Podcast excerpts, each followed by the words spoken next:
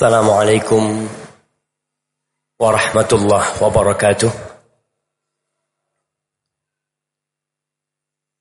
الحمد لله الذي بنعمته تتم الصالحات Segala puji bagi Allah Jalla Jalaluh yang karena nikmatnya kebaikan-kebaikan menjadi sempurna. Yang karena rahmatnya niat-niat baik hamba dapat terlaksana. Satu hal yang mungkin kita perlu mengingat. Jangan sampai kita berkata seperti perkataan Korun. Ketika Allah memberikan kepadanya keluasan rizki.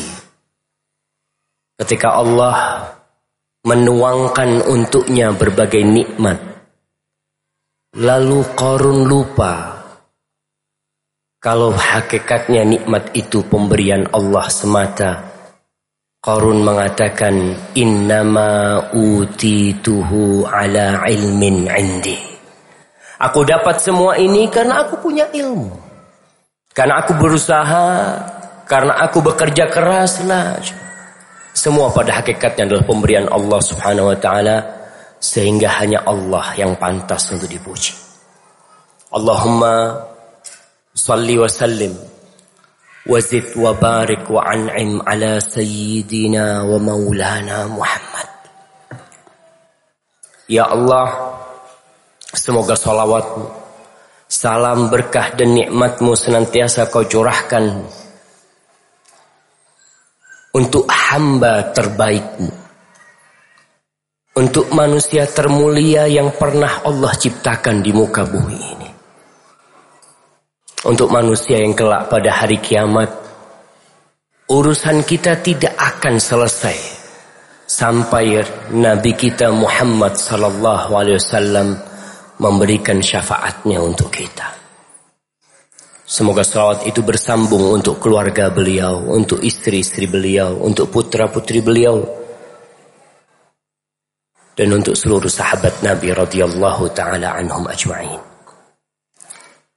Ma'asyiral muslimin wal muslimat rahimakumullah dan pemirsa Roja TV, pendengar Radio Roja 756 AM, pendengar Radio Roja Bandung 1476 AM dan media lainnya yang ikut menyiarkan kajian ini dan saya ucapkan terima kasih yang sebesar-besarnya pula kepada DKM Masjid Al-Ukhwah ini. Jamaah rahimakumullah. Hari ini tanggal berapa? Tanggal berapa? Tanggal 1. Nah. Besok tanggal berapa? Tanggal 2. Jadi besok bukan tanggal 1. Besok tanggal 2. Nggak ada lagi istilah di antara umat Islam yang mengatakan kita ketemu tahun depan. Kadangkala kita ketemu tahun depan nih. Maksudnya tahun 2017 lah. Nah, nah muslimin, kita umat Islam yang seharusnya bangga menjadi umat Islam. Kita memiliki kalender yang bernama Hijriah. Dan hari ini kita tanggal 1 bulan Rabiul Akhir 1438 Hijriah. Ahibati fillah. Tema ini sebenarnya diperuntukkan kaum Hawa. Karena ibu-ibu kesian. Anak tadi malam masuk ke hotel jam 12 kira-kira. Udah masuk hotel, pagi anak turun mau sholat. Lalu anak lihat di lift itu ada beach party, beach party, mungkin lah. Tapi yang anak heran tertulis di situ uh, party of Evi, Evi Ana lihat apa artinya IV ini. Anak lihat. Karena kita nggak ngerti bahasa Inggris. Ternyata artinya Hawa. Jadi ada acara khusus untuk wanita di hotel itu. Maka kita harus perhatian dengan kaum Hawa. Rasulullah sallallahu alaihi wasallam beliau hidup di masa tatkala para wanita ditindas. Di sebagian tempat wanita itu adalah ibaratkan warisan. Yang kalau bapak meninggal dunia, meninggalkan istri, istrinya itu bisa dikawin sama anaknya. Nauzubillah min Islam datang memuliakan para wanita. Rasul sallallahu alaihi wasallam mengatakan an-nisa rijal. Wanita itu ada adalah belahan lelaki. Jadi dia bukan di bawahnya lelaki, enggak. Dia itu belahan. Dan di barat wanita dibebaskan. Dibebaskan dari apa? Dari kewanitaan mereka. Di barat itu wanita hanya alat promosi. Antum lihat semua iklan mesti wanita itu dijual di sana. Untuk melariskan barang dagangan mereka ketika ada pameran mobil, siapa yang jagain mobil itu? Ada bapak-bapak jagain mobil di sebelahnya gitu kan. Nggak ada. Ketika mereka pameran kulkas, yang jagain juga wanita. Karena wanita pada hakikatnya bagi mereka hanyalah sarana untuk memuaskan nafsu mereka. Berbeda dengan Islam. Allah berfirman di surat At-Taubah Anak kayaknya kurang nyaman ngomong sama antum ini jemaah. Karena temanya untuk ibu-ibu gitu. Tapi anak lihat bapak-bapak. Tapi nggak apa-apa. Di surat At-Taubah ayat 71. Allah berfirman, "Wal mu'minuna wal mu'minat ba'duhum awliya'u ba'd." Lelaki-laki yang beriman dan wanita-wanita yang beriman sebagian di antara mereka adalah pelindung untuk sebagian lainnya. Sebagian di antara mereka adalah teman bagi sebagian yang lainnya. Apa yang dilakukan oleh mukmin dan mukminah? Allah mengatakan ya'muruna bil ma'ruf wa yanhauna 'anil munkar. Mereka lelaki yang beriman dan wanita yang beriman beramar ma'ruf dan bernahi mungkar. Memerintahkan kepada kebaikan dan mencegah kepada kemungkaran. Jadi bukan hanya lelaki yang menegakkan amar ma'ruf nahi mungkar, wanita-wanita menegakkan amar ma'ruf nahi mungkar. Pernah pada suatu hari Aisyah radhiyallahu taala anha sedang sa'i di antara Sofa dan Marwah. Lalu dia melihat seorang wanita pakai baju ada salibnya di baju itu. Kadang kala ada hiasan baju itu yang salib. Maka wanita ini ditegur oleh Aisyah radhiyallahu taala anha. Dia bercerita bahwa Rasulullah sallallahu alaihi wasallam di rumah tidaklah beliau melihat sesuatu yang bergambar salib kecuali beliau hapus. Aisyah melaksanakan amar ma'ruf nahi munkar tidak berhenti beramar ma'ruf nahi munkar. Wa yuqimuna shalah. Mereka mendirikan salat. Wa yu'tuna zakah. Mereka mengeluarkan zakat. Mukmin dan mukminah. Wa yuti'una Allah wa rasulah. Mereka taat kepada Allah dan Rasulnya. Lalu mereka dapat apa? Ulaika sayarhamuhumullah. Mereka kelak akan mendapatkan rahmat Allah. Innallaha azizun hakim. Sesungguhnya Allah aziz. Zat yang memiliki izzah. Zat yang maha mulia. Yang maha terhormat, yang maha kuasa. dan semua syariatnya penuh dengan hikmah. Maka kalau masih ada wanita-wanita yang menginginkan persamaan gender lelaki dan wanita. Muslim ya. Ada wanita muslimah menjadi aktivis gender. Berpendapat bahwa Islam itu bias gender maka wanita ini harus sekolah lagi.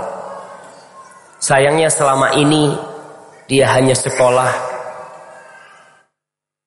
pemahaman-pemahaman barat yang sedang ditransfer ke negeri-negeri Islam. Di dalam Islam orang yang paling harus dihormati adalah wanita yang pertama. Yang kedua, wanita. Yang ketiga, wanita. Yang keempat baru lelaki. Tapi kenapa mereka masih menuntut persamaan? Kita melihat mereka menuntut buku pelajaran bahasa Indonesia di SD dirubah. Budi berangkat sekolah. Bapak Budi berangkat ke mana? Ke sawah. Ibu Budi masak di dapur. Mereka mengatakan ini ini nih ada diskriminasi buat wanita. Kenapa Bapak Budi ke pasar, Ibu Budi kok ke dapur? Mereka maunya Bapak Budi ke sawah, Ibu Budi nyupir angkot. Mereka ingin persamaan. Tapi bukan itu yang mereka inginkan. Kalau mereka benar-benar ingin persamaan lelaki dengan wanita, nggak mungkin mampu wanita. Mereka tetap akan menyesuaikan. Enggak lah Ustaz, enggak pantas masa wanita nyupir. Masa wanita jadi kuli bangunan. Mereka nggak mau yang seperti itu. Maunya pekerjaan-pekerjaan yang halus yang sesuai dengan mereka. Engkau sekarang ingin persamaan gender.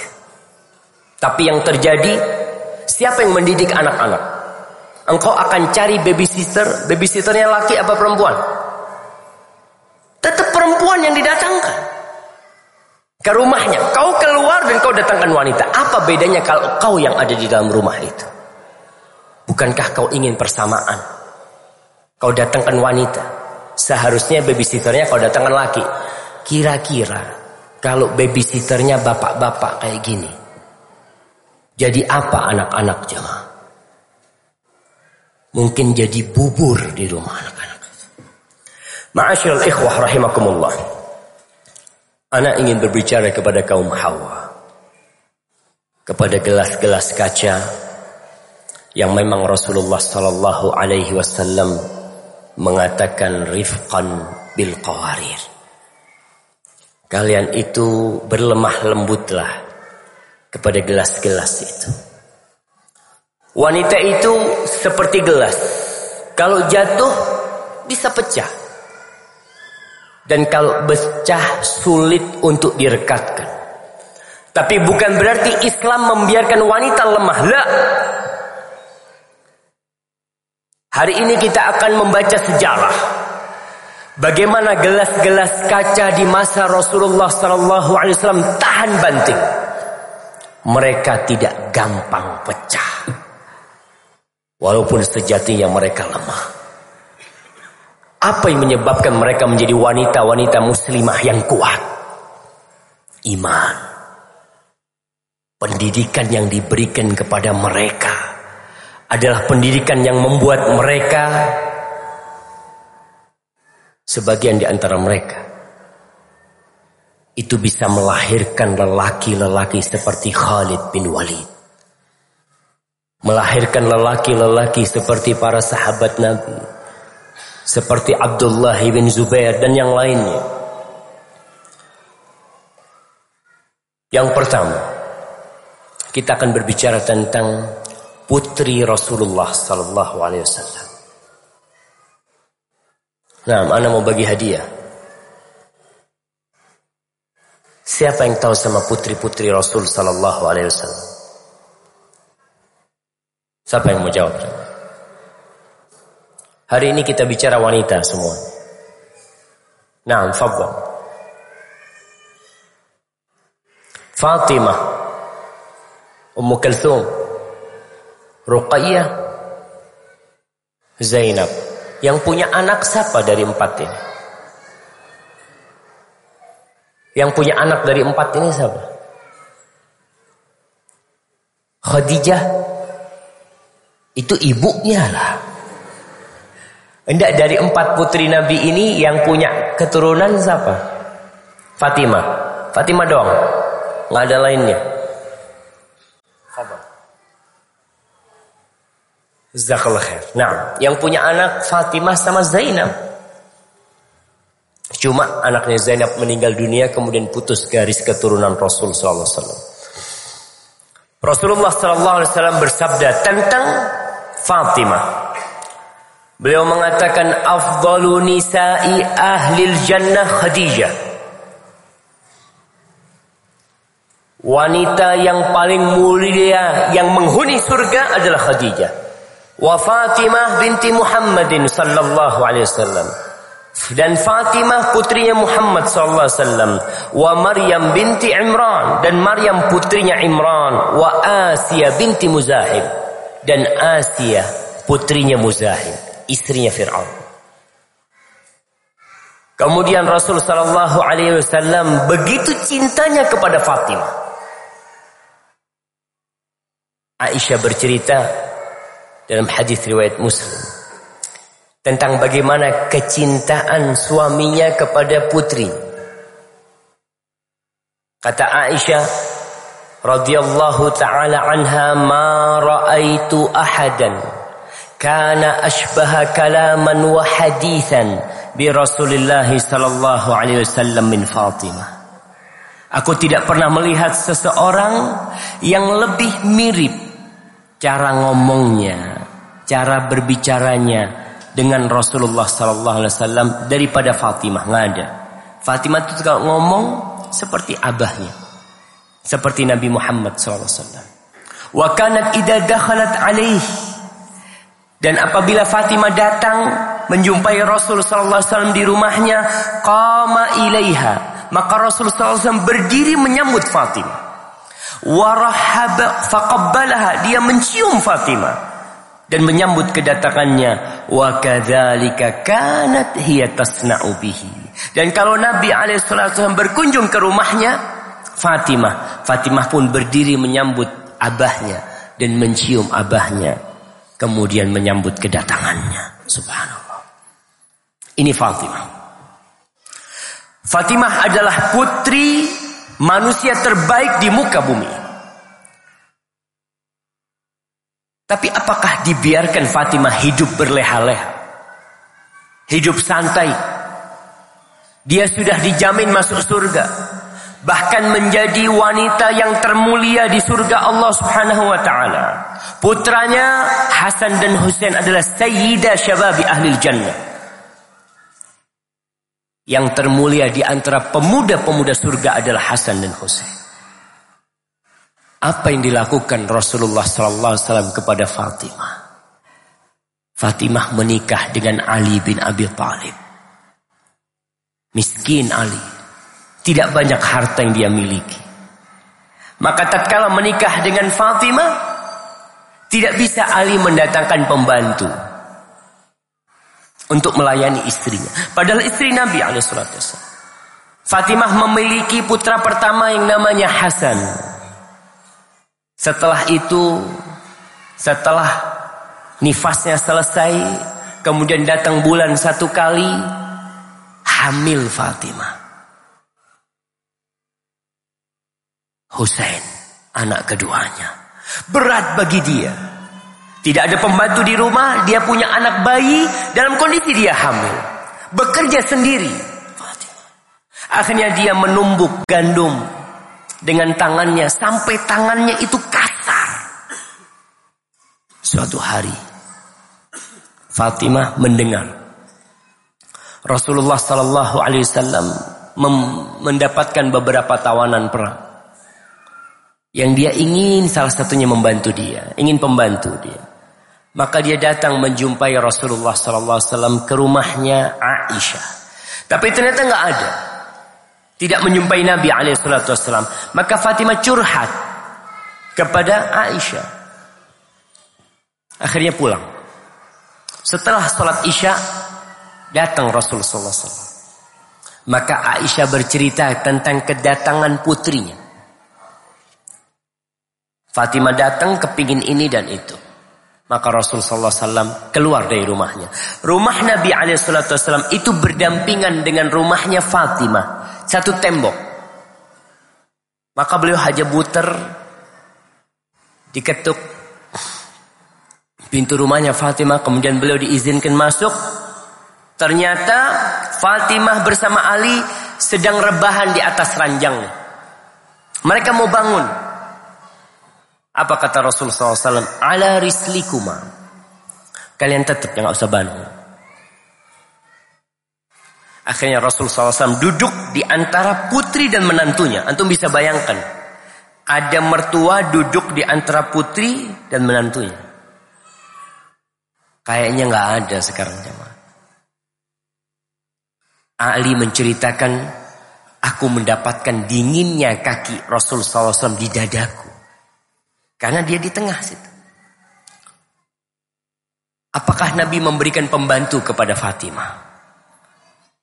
Karena kita lihat sekarang wanita-wanita sekarang ini Masya Allah tangannya alus-alus semuanya. Bahkan kasar sedikit langsung perawatan. Nah, duit suaminya buat perawatan. Iya Ustaz, perawatan ini kan untuk suami juga. Nah, betul. Wanita-wanita sekarang ini lebih lama di depan cermin daripada di depan Al-Quranul Karim. Anda melihat kelakuan wanita karena istri anak wanita, anak-anak anak ada yang putri, anak punya kakak adik semuanya wanita. Jadi anak-anak tahu subhanallah. Kadangkala itu duduk bersila di depan cermin. Anak ngomong ngapain ya sini? Oh ternyata ada bahan-bahan yang harus dipakai untuk memoles dirinya. Itu terjadi. Rasul Sallallahu Alaihi Wasallam melihat Fatimah, beliau tidak mendatangkan pembantu. Beliau mengatakan kepada putri dan menantunya, dan beliau tidak menyuruh menantunya untuk bertanggung jawab. Mengatakan Ali, kau tanggung jawab, kau harus cari itu pembantu. Ali miskin, tidak mampu. Maka Rasul Shallallahu Alaihi Wasallam, masya Allah, dikasih apa ini? Zakallah khair. Anak izin minum dulu jemaah.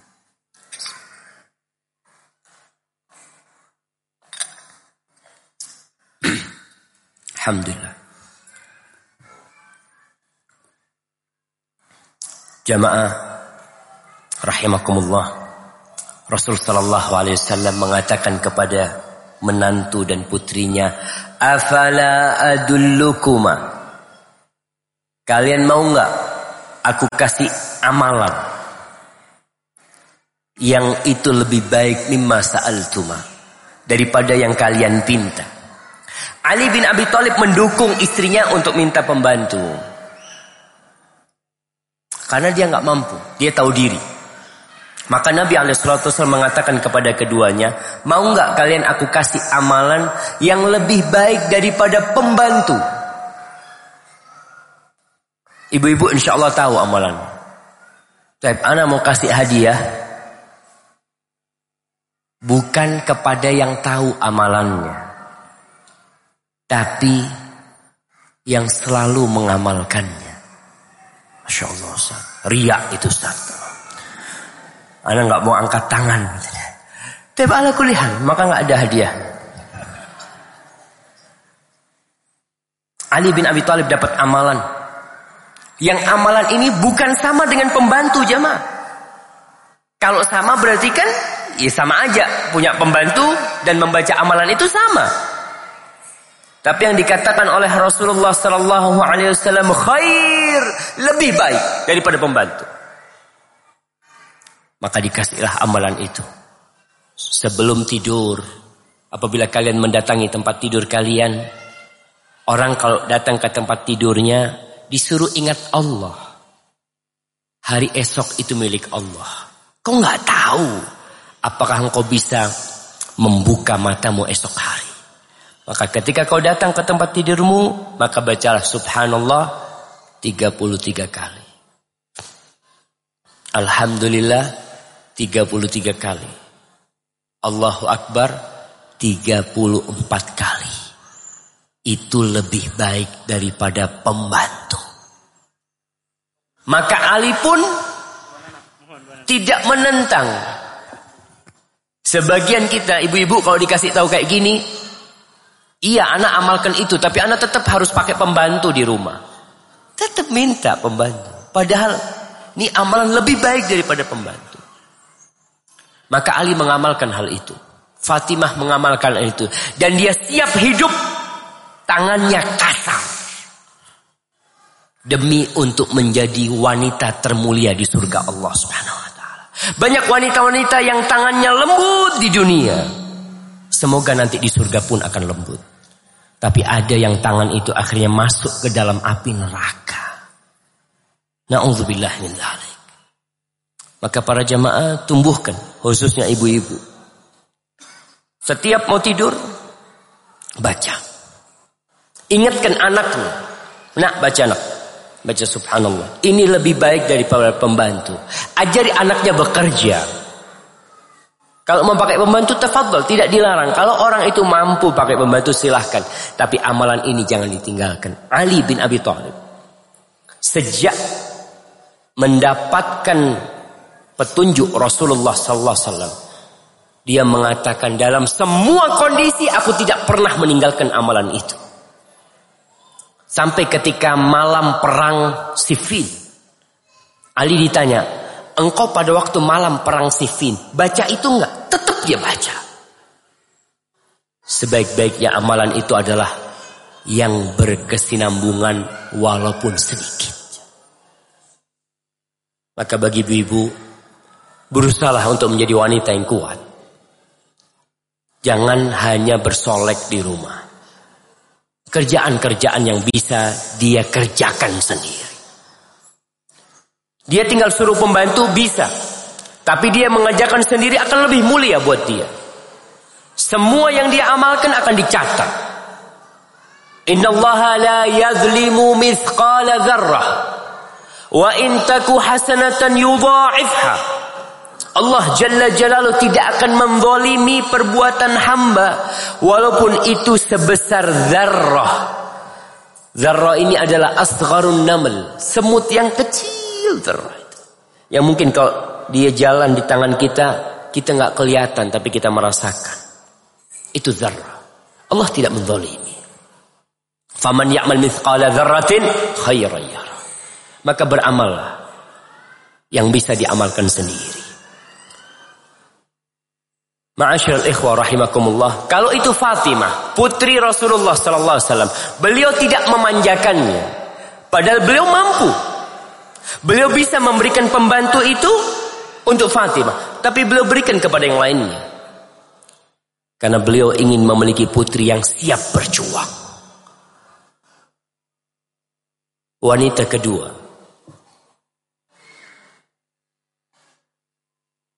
Aisyah radhiyallahu taala anha.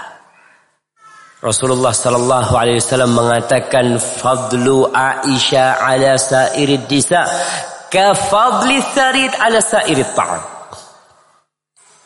Kemuliaannya Aisyah dibandingkan dengan wanita-wanita lain itu seperti keutamaannya ini Rasulullah SAW menyamakan Aisyah dengan kuliner. Sarid itu makanan yang paling enak ketika itu. Nggak ada lagi yang lebih enak, lebih nyaman dari makanan itu. Aisyah seperti sarit dibandingkan semua makanan yang ada. Apa sih yang dilakukan Aisyah radhiyallahu taala Sampai Jibril mengucapkan salam kepada dia. Adapun Khadijah, subhanallah. Allah mengucapkan salam kepada Khadijah. Khadijah radhiyallahu taala sebelum Anda sebutkan Aisyah karena tidak pantas kita menyebutkan Aisyah sebelum menyebutkan Khadijah radhiyallahu taala anha.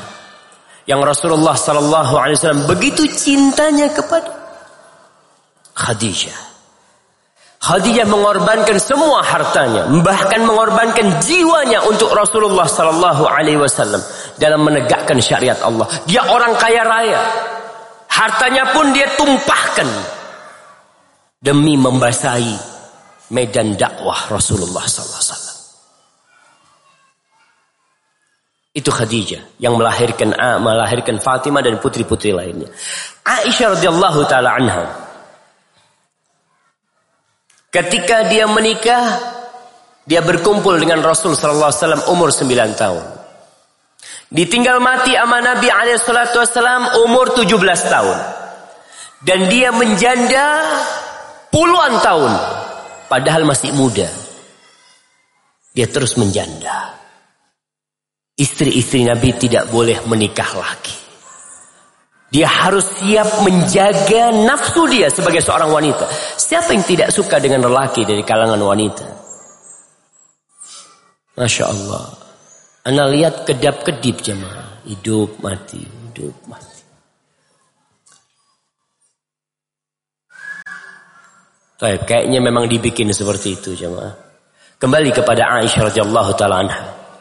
Ibu-ibu, ibu-ibu terserah keluar dari sini nanti mau jadi Fatimah, mau jadi Khadijah, mau jadi Aisyah, mau jadi Ummu Sulaim, mau jadi sahabat-sahabat wanita yang mereka gelas-gelas kacang tahan banting silahkan. Itu yang perlu dicontoh.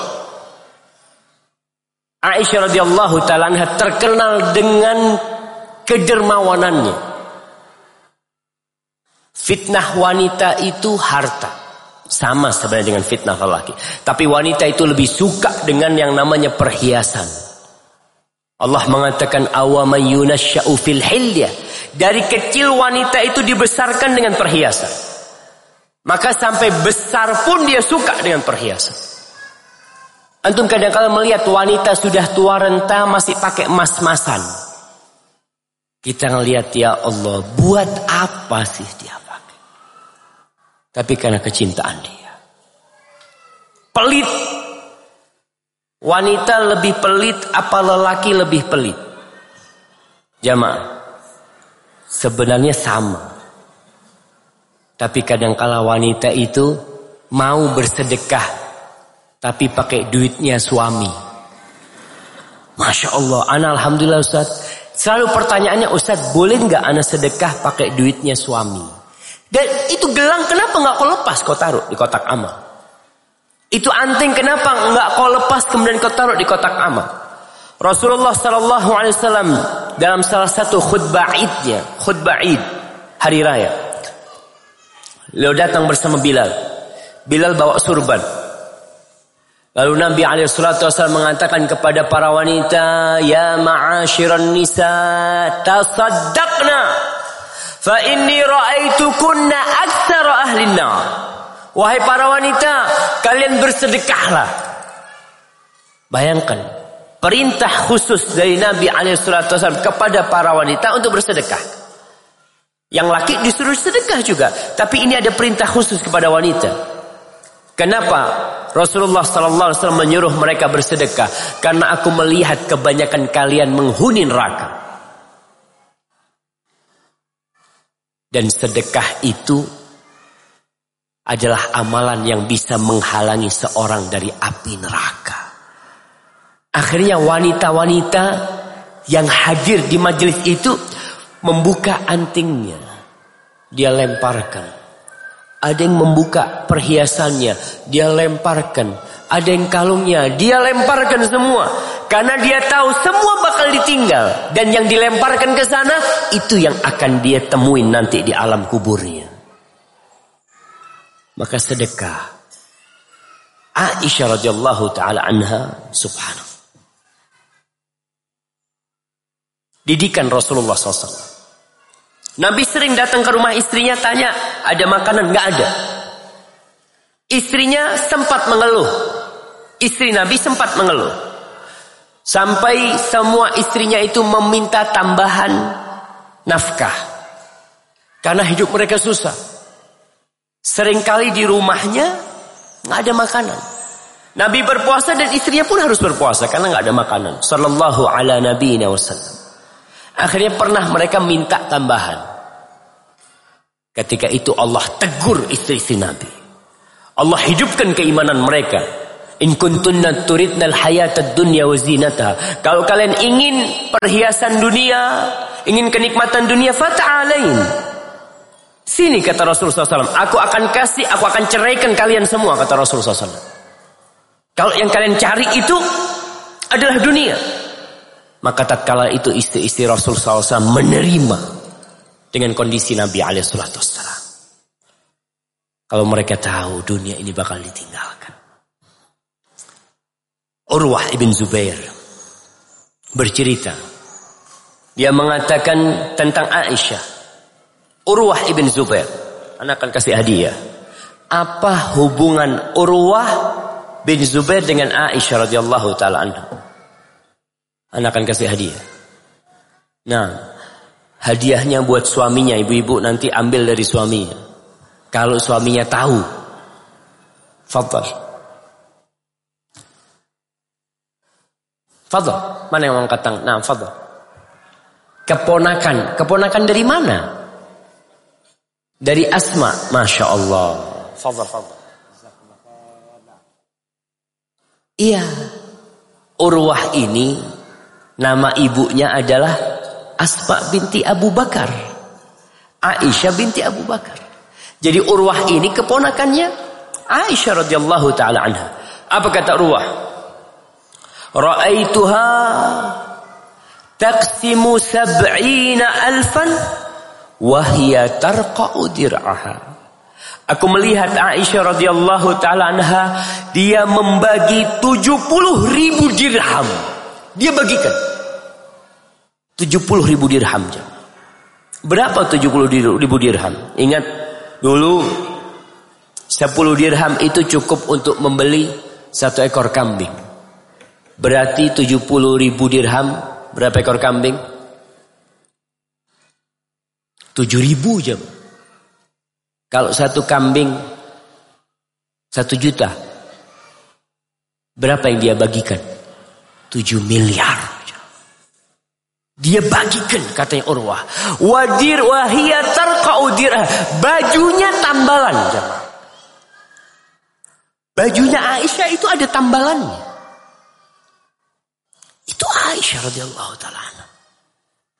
Kalau kita lihat kebanyakan wanita muslimah sekarang Sedekahnya sedikit, bajunya yang mahal. Masya Allah. Apalagi sekarang nih abayanya tuh harim-harim. Masya Allah. Ada yang harganya 2 juta setengah. Harganya 3 juta. Sedekahnya 2 ribu. Datang kotak amal. Alhamdulillah. Alhamdulillah Ustaz daripada nggak sedekah. Subhanallah. Abdullah bin Zubair kakaknya Urwah bin Zubair. Ini cerita tentang kondisi rumah.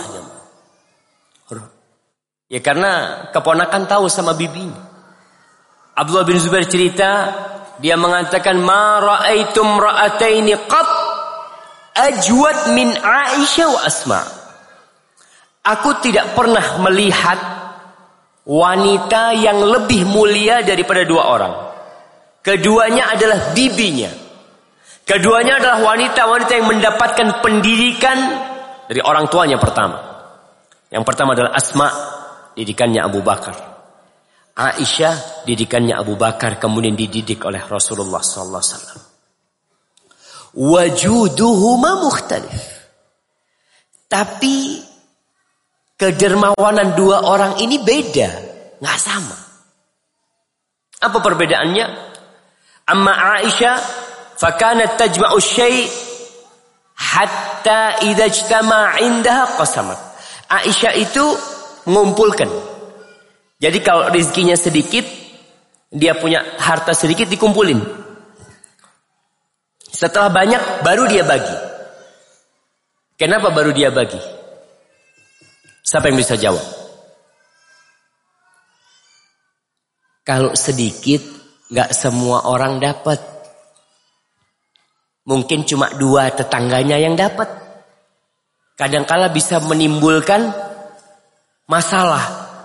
Aku kok nggak dikasih ya?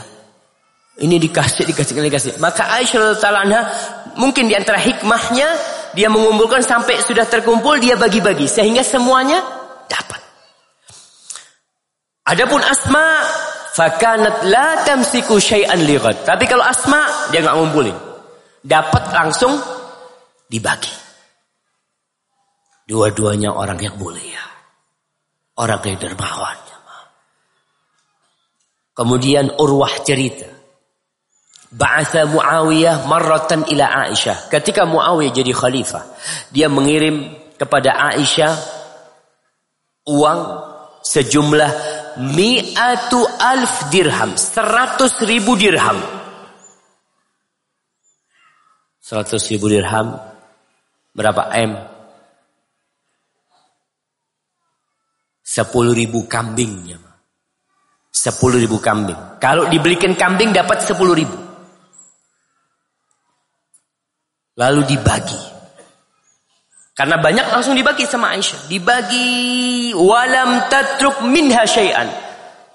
Dari seratus ribu itu satu dirhan pun tidak ada yang disisakan oleh Aisyah radhiyallahu taala anha.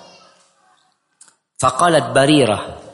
Barirah mantan budaknya mengatakan kepada Aisyah, "Anti saimah. Wahai ibundaku, kau sedang puasa.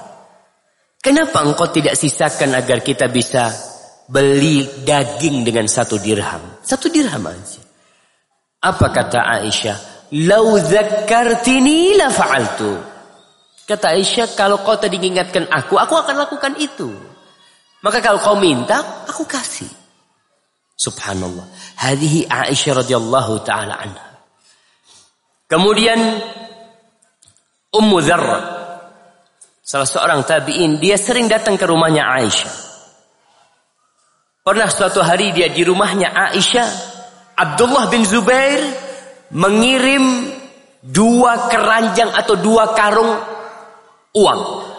Arahu samanina wa mi'at alaf. Menurut perhitunganku isi dua karung itu 180 ribu dirham. 180 ribu dirham. Berapa ekor kambing? 18 ribu ekor kambing. Mungkin 18 miliar. Fajalasat. Dan dia dalam kondisi puasa Aisyah. Maka Aisyah duduk, duitnya itu dikeluarin semua. Lalu dia bagikan, ini kirim ke rumahnya fulan, ini kirim ke rumahnya fulan, ini kirim, ini kirim, kirim, kirim semuanya. Fa'amsat wa ma indaha min dzalika dirham. Sampai sore hari pembagian itu mungkin dari siang ya, sampai sore habis. Satu dirham pun tidak ada yang dia pegang. Qalat, ya jariyah halummi futuri. Ketika sudah mau maghrib, ini dalam kondisi puasa Aisyah. Dia mengatakan Aisyah, wahai uh, bocah mana berbukaku? Faja'at bi khubzin wa Maka budaknya ini pembantunya mendatangkan roti sama minyak. Bukanya itu cuma roti sama minyak. Faqalat laha Umma. Ummu mengatakan kepada Aisyah, "Amas Sama seperti perkataan Barirah. Apa kau nggak bisa beli daging gitu dengan satu dirham. Maka Aisyah seperti yang dikatakan kepada Bariro. Kalau kau ingatkan aku. Ini diriwayatkan oleh Abu Nuaim dalam kitabnya Al-Hilyah dan Ibn Sa'ad dalam kitabnya At-Tabaqat. Dan cerita ini benar jamaah. Apa sih yang dicari oleh kita? Allah berfirman, Alhaakumut takatsur. Kalian itu dilalaikan dengan memperbanyak, memperbanyak, menimbun, menimbun. Buat apa tuh duit? Allah tidak melarang kita kaya. Tapi yang Allah inginkan dari kita, carilah akhirat dengan kekayaanmu. Ada manusia biasanya sampai tingkatan dia mencari rizki. Ada fase-fase manusia. Dia mencari rizki. Kita mencari rizki mungkin dari umur 30, 35. Dia cari rizki kepingin punya rumah. Sampai dia punya rumah. Kepingin punya mobil. Sampai dia punya mobil. Kepingin punya usaha. Sampai dia punya usaha. Kepingin punya ruko. Punya ruko dia. Setelah itu apa? Apa? Duit terus datang. Mau diapain? Ditumpuk sama dia. Sampai ada seorang subhanallah jemaah, seorang koruptor ya. Tapi dia orang yang berilmu sebenarnya. Ditemukan di dinding rumah.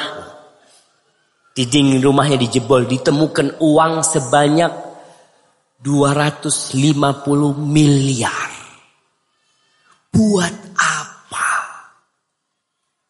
Ditumpuk nih. Disimpan sama dia. Mati nggak dibawa. Ditinggal semuanya. Dan dia akan mendapatkan sanksi dari apa yang dia kumpulkan nanti. Maka silahkan kau kumpulkan harta. Tapi kau sedekahkan, kau keluarkan. Ibu-ibu kadangkala Masya Allah. Dia dapat duit, dia hiasi rumahnya. Beli gorden untuk rumahnya 15 juta. Beli untuk dapurnya puluhan juta, beli kursinya macam-macam.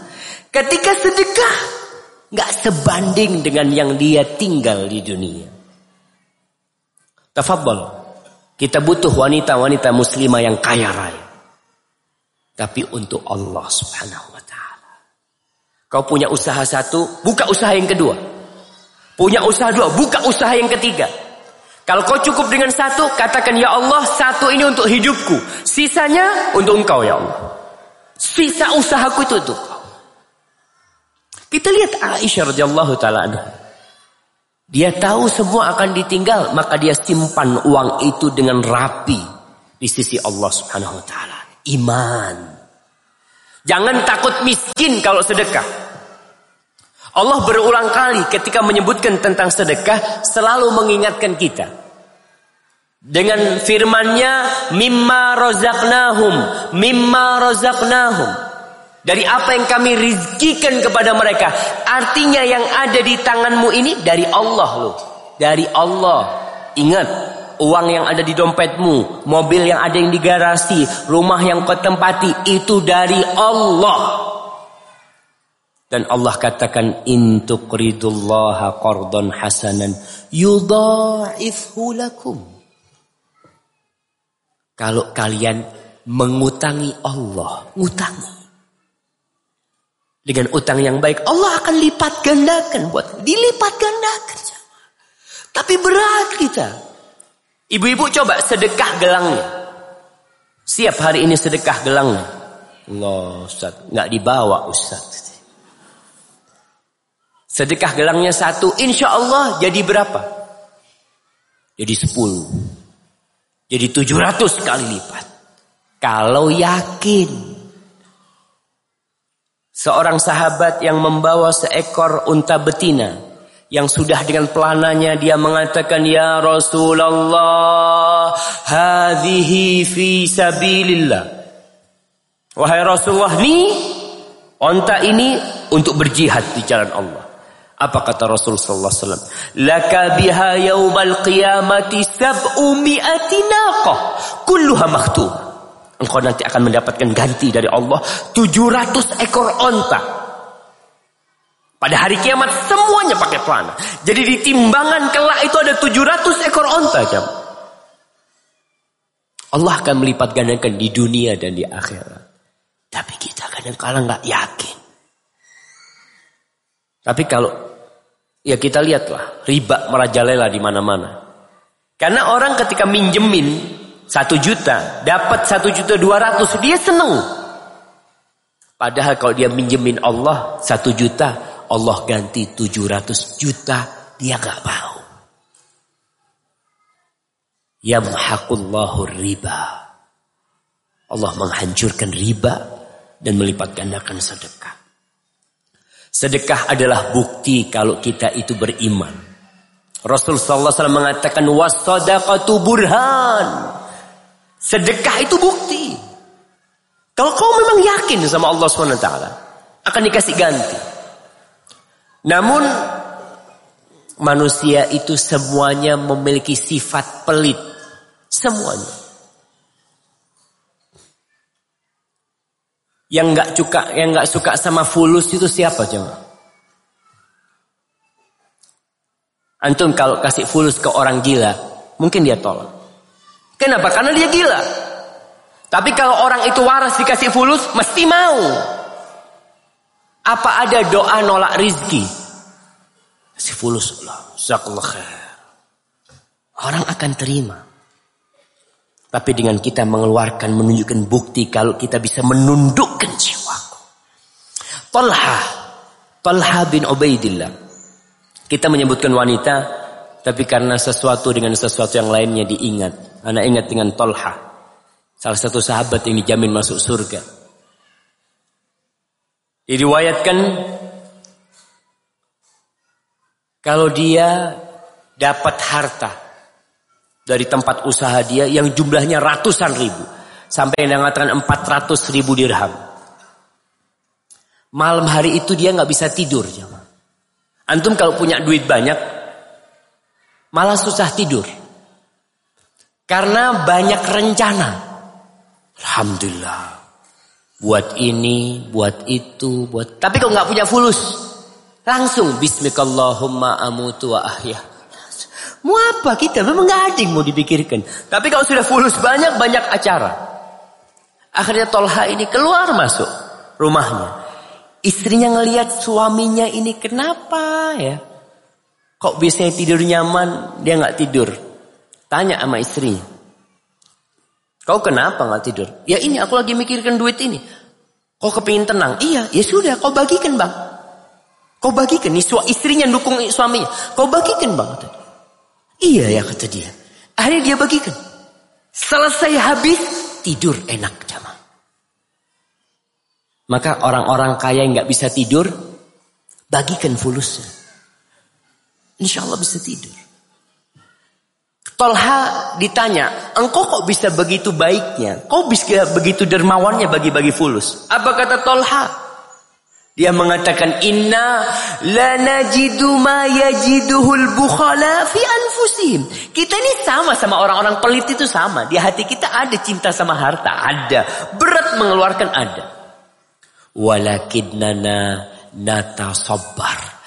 Tapi kita berusaha untuk sabar. Jadi yang dilakukan itu memang memaksa jemaah. Kemudian bersedekah itu jangan nunggu banyak duitnya. Karena kalau bersedekah dalam kondisi miskin lebih mudah daripada bersedekah dalam kondisi kaya.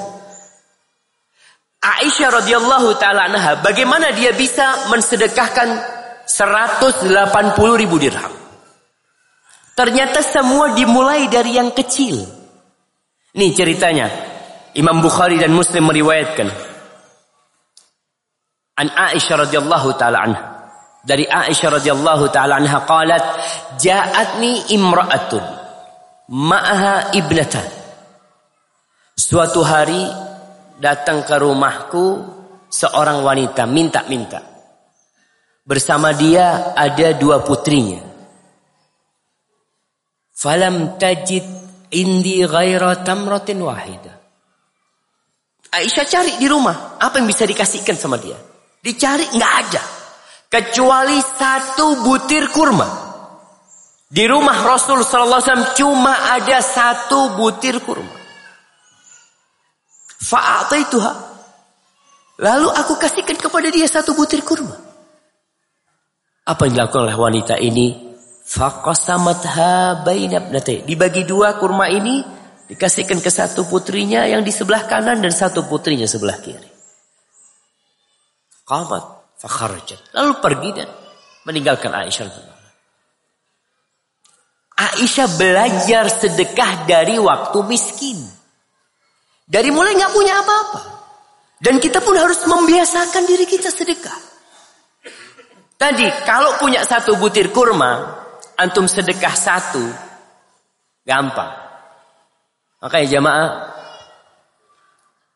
Nggak ada istilah dalam Islam itu kalau makan bersama nasinya kurang. Kadangkala acara buka bersama makanannya kurang, rotinya kurang nggak ada. Kalau kita benar-benar muslimin. Kenapa? Rasulullah sallallahu alaihi wasallam bersabda, "Ta'amul wahidi litsnain wa ta'amul itsnaini li Makanan satu orang cukup untuk dua orang. Makanan dua orang cukup untuk tiga orang. Jadi dalam kondisi umumnya kita makan nih. Buka bersama. Jamaah yang hadir banyak. Sebagian nggak dapat. Antum seharusnya panggil dia. Fadol sini sama ana makan nih. Ini satu cukup buat dua. Jangan takut. Semuanya akan dapat. Tapi kalau kita hidupnya sudah nafsi-nafsi. Biasanya kalau dapat roti, ini hagi. Ini punyaku. Jadi lihat sohibnya nggak dapat, ya mungkin kau belum rizki memang. Ada rizkinya anak. Allahu Akbar. Kita harus belajar. Dari sebuah roti kita bagi dua. Dari sebuah gorengan mungkin ada pembagian kita bagi dua. Belajar. Insya Allah. Hari demi hari akan terkikis sifat kikir kita. Dan ibu-ibu khususnya. Insya Allah bisa menjadi seperti Aisyah radhiyallahu taala anha. Wanita ketiga, saudarinya Aisyah, Asma binti Abu Bakar. Asma putrinya Abu Bakar. Abu Bakar orang kaya. Ketika Asma menikah dengan Zubair bin Awam. Zubair bin Awam ini putrinya Sofia. Bibinya Rasulullah sallallahu alaihi wasallam. Jadi Zubair ini sepupu sama Nabi Muhammad sallallahu alaihi wasallam. Jadi kalau kita lihat mereka nikah kerabat semua gitu. Dekat masuk. Ketika menikah dengan Zubair, Asma cerita.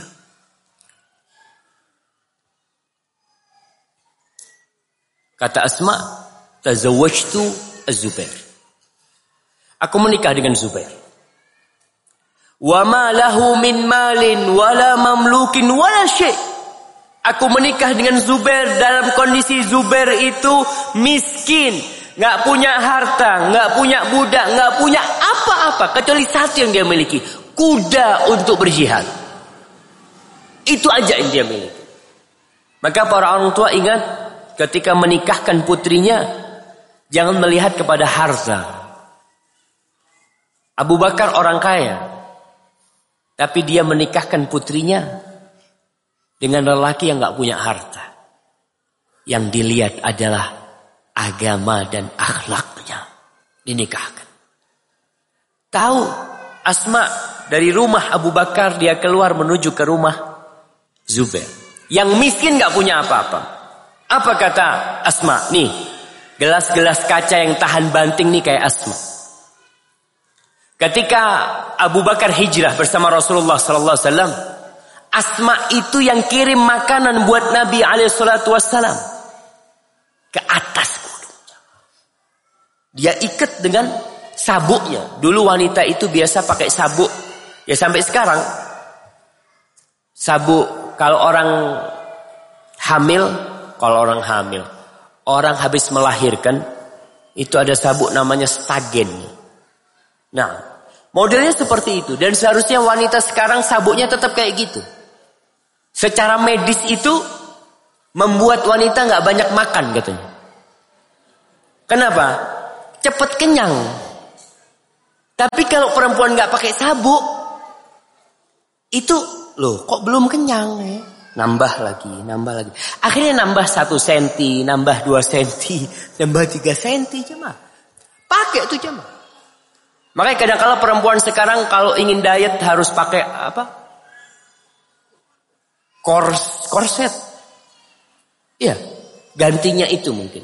Asma pakai perempuan-perempuan sampai sekarang kalau antum melihat wanita-wanita di desa di gunung-gunung masih pakai itu. Dan jarang wanita di gunung itu yang gemuk. Jarang. Mereka gelas-gelas kaca yang tahan bantingnya. Hari itu punya anak, hari itu masak. Kalau sekarang perempuan sekarang punya anak hari ini nggak boleh gerak sampai berapa hari. Ah, jangan gerak, jangan jangan turun. Makan diambilkan. Allahu Akbar. Ya akhirnya gelasnya cepat pecah. Kalau jatuh, piar. Nggak tahan banting. Asma, dia yang ngasih makan buat Rasul SAW dia ikat sehingga dia dikenal dengan Zatun Nitaqain. Asma yang memiliki dua sabuk. Satu sabuk ditaruh di, di, diletakkan di perutnya, sabuk lainnya diikatkan ke bekal Rasulullah SAW. Abu Jahal datang ke rumahnya Abu Bakar, diketuk. Keluar Asma.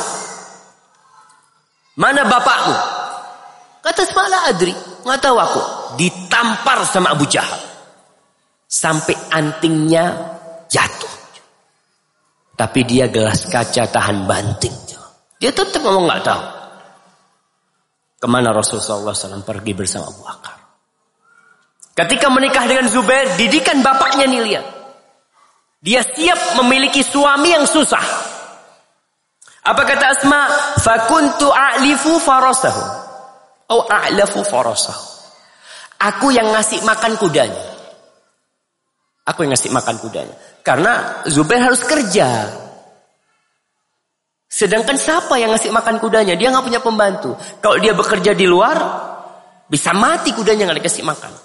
Kata Asma, aku yang ngasih makan kudanya. Wa akfihi mu'nato, aku yang ngurusin kudanya. Wa asusuhu, aku yang membersihkan apanya. Kudanya itu aku yang ngurusin di rumah. Wa adukun nawali nadihatihi. Dan aku yang menghancurkan biji kurma. Ditumbuk untuk makanan onta yang untuk ngurusin kebunnya. Wa wa a'lifuhu wa astaqil ma wa ahzuru ghirbahu wa ajin. Semua kerjaan aku yang melakukan. Ngisi air di wadahnya air. Aku yang bikin roti sendiri. Aku itu mindah yang namanya biji kurma dari kebunnya Zubair. Ada kebunnya Zubair di dekat padang pasir di Madinah sana itu. Aku jalan kaki dari sana dan aku bawa biji kurma itu, kurma yang jatuh-jatuh itu dia bawa. Dia panggul jamaah di jarak kira-kira hampir 5 kilometer. Itu yang aku lakukan. Terus dia melakukan itu. Apa Asma mengatakan? Sampai akhirnya ketika Zubair memiliki harta, dia punya pembantu, seakan-akan aku dilepaskan dari perbudakan. Tapi siap hidup susah. Sehingga tatkala suaminya meninggal dunia, kita lihat bagaimana Asma. Abdullah bin Zubair ketika itu perang. Bersama Hajjaj bin Yusuf. Datang Abdullah bin Zubair mengeluh kepada ibunya. Ketika banyak pengikut Abdullah bin Zubair melarikan diri. Lalu ibunya ngasih nasihat kepada putranya. Ya bunaya. Wahai ananda. In kunta ala haqqin. Famdi lima tu'min bihi. Wahai ananda kalau engkau merasa berada di atas kebenaran. Maka lanjutkan. Kalau engkau lakukan ini sekarang kebenaran. Apa kata Abdullah bin Zubair, "Akhafu in qataluni ayyumathilu bi." Aku takut kalau aku mati nanti aku dimutilasi sama mereka. Ini yang ditakutkan, nggak takut mati, yang ditakutkan itu dimutilasi sama mereka. Qalat kata Asma, "Inna syata la takhafu salkhaha ba'da dhabhiha." Kau tahu, kambing itu setelah dipotong nggak takut untuk dikulitin. Gak usah takut. Walamma danat minhu Asma buta, umurnya sampai 100 tahun dikatakan dia sudah mulai buta. Ketika dideketin putranya ini dipeluk sama dia, dilihat, Ananda, ada apa di tubuhmu ini? Kata Abdullah bin Zubair, ini baju perang. Faqalat ma hadha ya Abdullah? Sana aman yuri duma yuri. Nggak seperti ini, ini nih orang yang ingin syahadah, ingin mati syahid. Nggak seperti ini yang dia lakukan. Kau buka. Maka dibuka baju perang. Abdullah bin Zubair. Dia pakai baju yang beberapa baju. Kemudian dia berperang dan tewas Abdullah bin Zubair. Ketika tewas disalib sama Hajat bin Yusuf. Ditaruh tiga hari ini jamaah. Disalib ditaruh di pintu kota Mekah. Maka datanglah Asma dalam kondisi dia buta. Dia di ada yang membawa dia untuk ke tempat jasadnya putranya Zubair. Lalu dia mengatakan, Ama ana lirakibi an yanzil. Apa belum tiba saatnya orang yang naik kendaraan untuk turun? Akhirnya diturunkan jasadnya Abdullah bin Zubair dan dimakamkan. Kita lihat. Bagaimana dia siap. Anaknya mati, anaknya disalib, tetap kokoh. Nggak nangis macem-macem. Kalau kita lihat banyak wanita sekarang yang lemah sekali. Ditinggal mati oleh putranya. Udah seakan-akan ditinggal oleh seluruh keluarganya. Ditinggal kawin sama suaminya. Mau loncat dari loteng rumahnya. Iya jemaah. Kau harus sabar menghadapi ujian kehidupan ini. Memang berat. Tapi jadilah seperti Asma. Yang siap mengorbankan segalanya. Ummu Sulaim. Antum siapa yang nggak kenal sama Ummu Sulaim? Ketika Ummu Sulaim masuk Islam, suaminya masih kafir. Nih kadangkala ibu-ibu mengeluhkan Ustadz anak udah ngaji, tapi suami anak belum. Anak udah pakai baju syar'i, tapi suami anak nggak suka. Anak udah sholat tepat waktu, tapi suami anak belum. Ummu Sulaim punya suami sama kafir bahkan suami. Bapaknya Anas, Malik itu kafir. Tapi Ummu Sulaim sabar ketika itu. Karena masih tidak diperintahkan berpisah. Suami yang kafir dari suami yang dari istri yang beriman. Sampai akhirnya ada hukum nggak boleh lagi wanita muslimah nikah dengan lelaki kafir. Anas bin Malik sama Ummu Sulaim itu selalu ditalkini untuk mengatakan la ilaha illallah. Terus kalau bapaknya Anas datang marah sama Ummu Sulaim. La tufsidi alayya ibni. Kau jangan rusak anakku. Kau jangan rusak anakku. Ummu Sulaim diam. Nanti bapaknya nggak ada, Anas disuruh mengatakan la ilaha illallah. La ilaha illallah. Seperti itu. Sampai akhirnya bapaknya Anas pergi dan mati. Maka Ummu Sulaim dilamar oleh Abu Talha. Salah seorang yang kaya raya di kota Madinah. Dia mengatakan halum biya Ummu Sulaim. Ayo Ummu Sulaim, kau nikah sama aku. Aku kasih semuanya. Yang putih dan yang merah aku kasih sama kau. Emas dan perak aku kasihkan kepada. Apa yang kau pinta aku berikan kepadamu.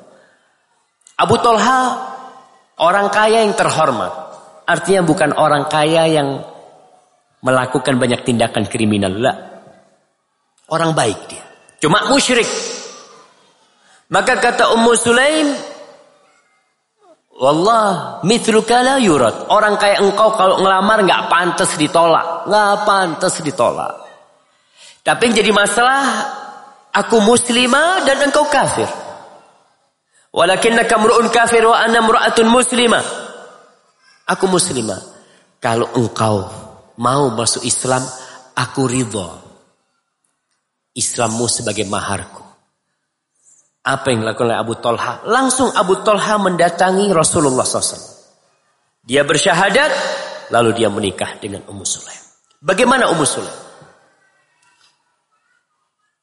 Abu Talha punya anak kecil sama Ummu Sulaim. Anaknya sakit-sakitan kemudian mati. Ibu-ibu, gelas-gelas kaca, dengarkan nih. Bagaimana Ummu Sulaim menjadi gelas kaca pada masa itu. Anaknya meninggal dunia. Abu Talha nggak tahu. Maka Ummu Sulaim mengatakan kepada semua yang di rumah, nggak ada yang ngasih tahu suamiku kecuali aku. Nggak boleh ada yang ngasih tahu suamiku kecuali aku. Isya datang Ummu Sulaim. Siapa Abu Talha? Ummu Sulaim bersolek untuk suaminya dengan parfum yang begitu semerbaknya. Ketika dia masuk rumah, Abu Talha tidak tergoda dengan Ummu Sulaim. Dia masih tanya, gimana anak kita? Apa kata Ummu Sulaim? Askan. Anak kita lebih tenang daripada yang tadi. Artinya mati jemaah. Kalau tadi masih nangis-nangis, kalau sekarang udah udah nggak bergerak. Pikirnya Abu Sulaim, Abu Talha udah sembuh. Nah, dilihat istrinya sudah begitu menggoda, maka terjadilah apa yang terjadi. Setelah acara selesai, Ummu Sulaim ngomong sama suaminya, "Wahai Abu Talha, kalau ada orang yang titip barang sama engkau. Kau bisa nggak menghalangi orang itu mengambil barangnya? Ya nggak mungkin lah. Kata Abu tolong barangnya dia, ya suruh ambil memang. Sesungguhnya Allah sudah mengambil titipannya. Wa inna ibnana qad laqiya rabba. Anak kita sudah berjumpa dengan Allah Subhanahu wa taala. Ketika itu marah Marah Abu Talha. Kok bisa istrinya ini sabar kayak gitu jemaah? Gak ngasih tahu sama dia. Bahkan sampai terjadi yang seperti itu maka besok paginya subuh dia datang laporan kepada Rasulullah SAW. Ini istrinya nggak benar nih kata dia. Dia datang. Lalu ketika datang mau laporan sama Nabi Alaihissalam, Nabi tersenyum sama dia. Abu Talha lagi marah, Nabi tersenyum. Nabi mengatakan, Laqad barakallahu lakuma fi lailatikuma. Allah telah memberikan berkah kepada malam hari kalian berdua. Ummu Sulaim hamil. Kemudian memiliki anak namanya Abdullah ibn Abi Talha menjadi tabi'in yang terkenal pada waktu itu. Subhanallah. Kita lihat. Bagaimana seorang wanita seharusnya lebih sabar daripada suaminya. Nah, Tadi suaminya baru masuk Islam. Wajar kali kalau masih belum bisa nerima. Tapi Ummu Sulaim sudah mendapatkan keimanan lebih dulu dari suaminya. Sehingga dia lebih tahan banting daripada suaminya. Yakin dan ridho bahwa semua takdir Allah itu indah. Seorang wanita harus yakin andai kata seluruh penduduk Bandung berkumpul. Bahkan penduduk seluruh dunia ini berkumpul untuk memberikan manfaat kepada dirinya mereka tidak akan bisa memberikan manfaat kepada dirinya. Allah. Andai kata seluruh manusia berkumpul untuk membahayakan dirinya, maka dia harus yakin bahwasanya seluruh manusia, andai kata seluruh tentara yang ada di Indonesia dan seluruh polisi yang berkumpul di Indonesia hendak memberikan sesuatu masalah buat dirimu, tapi Allah tidak berkehendak, itu tidak mungkin terjadi. Maka seorang muslimah harus hidup tenang menerima ridho Allah. Mobilnya hilang. Mas-masannya hilang. Anaknya meninggal dunia. Apa yang dia katakan? Inna lillah wa inna ilaihi raji'un. Dan Ummu Sulaim ini termasuk sahabat yang suka ikut berjihad. Bukan untuk berperang. Tapi untuk memberikan perawatan bagi para sahabat-sahabat yang berperang. Ketika perang Hunain, Ummu Muslim datang. Ikut perang Hunain untuk mempersiapkan air, ngasih minum yang terluka dari para sahabat dia obatin ya ketika itu. Ummu Muslim pakai sabuk, kemudian dia taruh honjar. Honjar itu pisau pisau orang Arab tahu yang agak yang modelnya kayak apa? Kayak pancing. Nah, itu khanjar. Ditaruh di perutnya Muslim. Suaminya laporan kepada Rasulullah wasallam. Faqala Abu Talha dia lapor, "Ya Rasulullah, ini Ummu Sulaim nih dia lagi bawa pisau tuh." Faqalat ketika suaminya melaporkan dirinya kepada Rasul wasallam, Maka dia mengatakan kepada Rasulullah SAW, Ya Rasulullah, indana minni musyrikun bakartu bihi batna. Kalau ada orang musyrik yang mendekat kepadaku, aku akan belah perutnya. Syufil muslimah. Wanita-wanita muslimat yang siap jamaah. Untuk menghadapi apa yang akan datang. Para muslimat, putri-putri Adam, Rasulullah sallallahu alaihi wasallam mengatakan ma min zamanin illa walladhi ba'dahu syarrun min. Tidak ada satu masa kecuali masa yang sesudahnya lebih buruk dari yang sebelumnya. Maka gelas-gelas kaca harus mulai mempersiapkan diri. Menambah keimanannya. Tidak hidup Ya dengan segala kemanjaan sehingga dia lupa dalam menghadapi masa depan mungkin yang akan membutuhkan kesiapan wanita-wanita muslimah. Kemudian wanita yang lainnya. Khansa. Siapa yang tahu Khansa? Khansa ini sahabat Nabi. radhiyallahu taala anha dia penyair.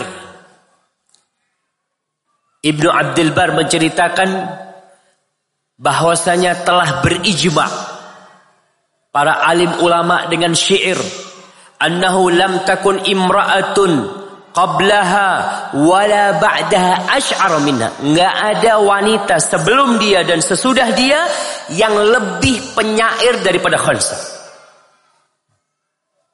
Ketika dia masih kafir, ketika kakaknya terbunuh. Ya masa jahiliyah, orang-orang pada perang pada waktu itu.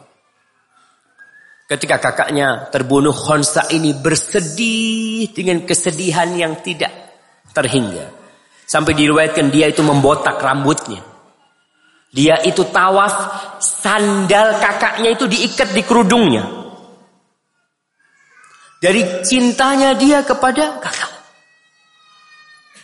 Akhirnya dia masuk Islam. Disebutkan Khansa datang menyumpai Rasul sallallahu alaihi wasallam dan dia masuk Islam. Ketika masuk Islam, mulai dididik oleh Nabi wasallam. Keimanan ditumbuhkan di dalam hatinya. Bahwa semua yang terjadi sudah menjadi keputusan sang pencipta. 50 ribu tahun sebelum penciptaan langit dan bumi, semuanya sudah ditakdirkan. Maka ketika perang Qadisiyah, Perang Qadisiyah kira-kira tahun 17 Hijriah. Khansa memiliki lima putra, empat putra. Ada yang mengatakan tiga. Empat putranya ini dipersiapkan untuk berjihad di jalan Allah. Dia mengatakan, wahai anak-anakku, kalian berempat adalah anak satu orang. Artinya ibumu nggak berzina.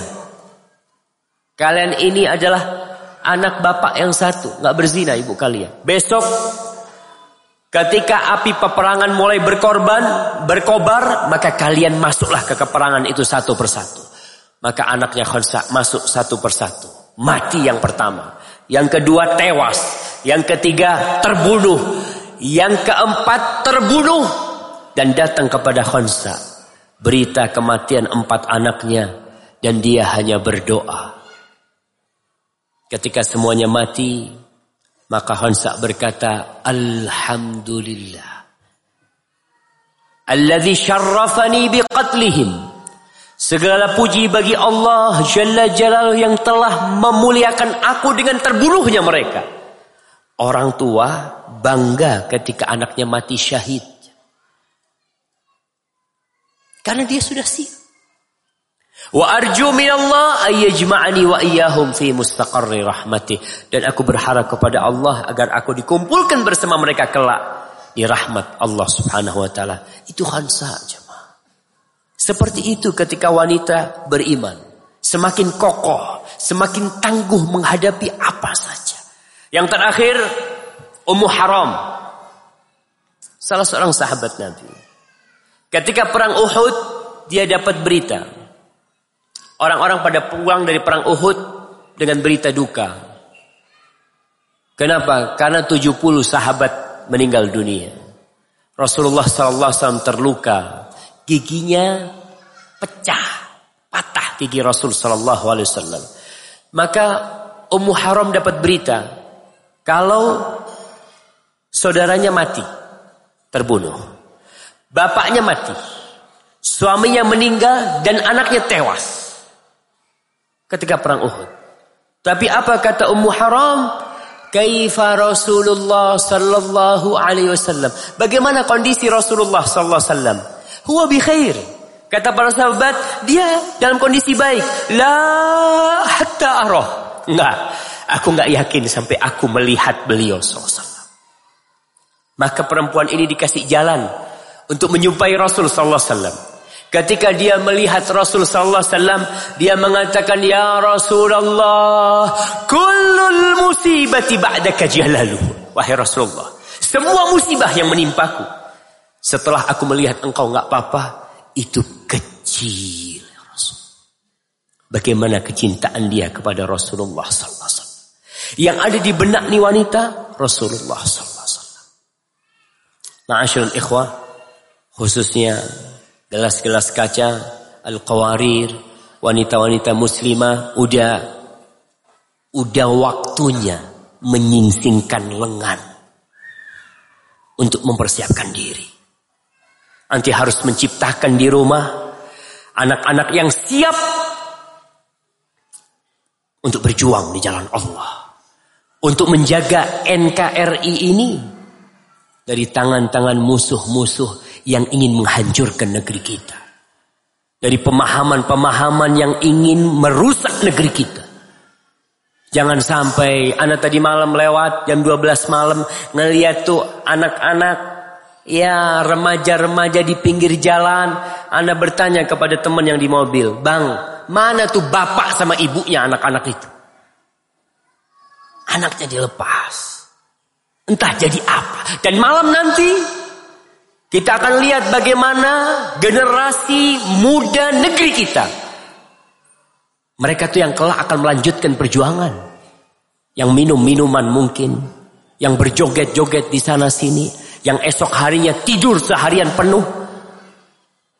Terus mau dibawa ke mana negeri kita? Tatkala kaum hawanya hanya melahirkan anak-anak yang hidupnya tidak menentu. Hadza wallahu a'lam. Itu yang bisa Anda sampaikan pada kesempatan kali ini.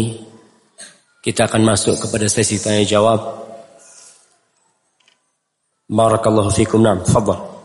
Baik, e, pertanyaan yang pertama, kalau suami menjadi murtad setelah tua atau menikah lama, apakah istri harus meminta talak?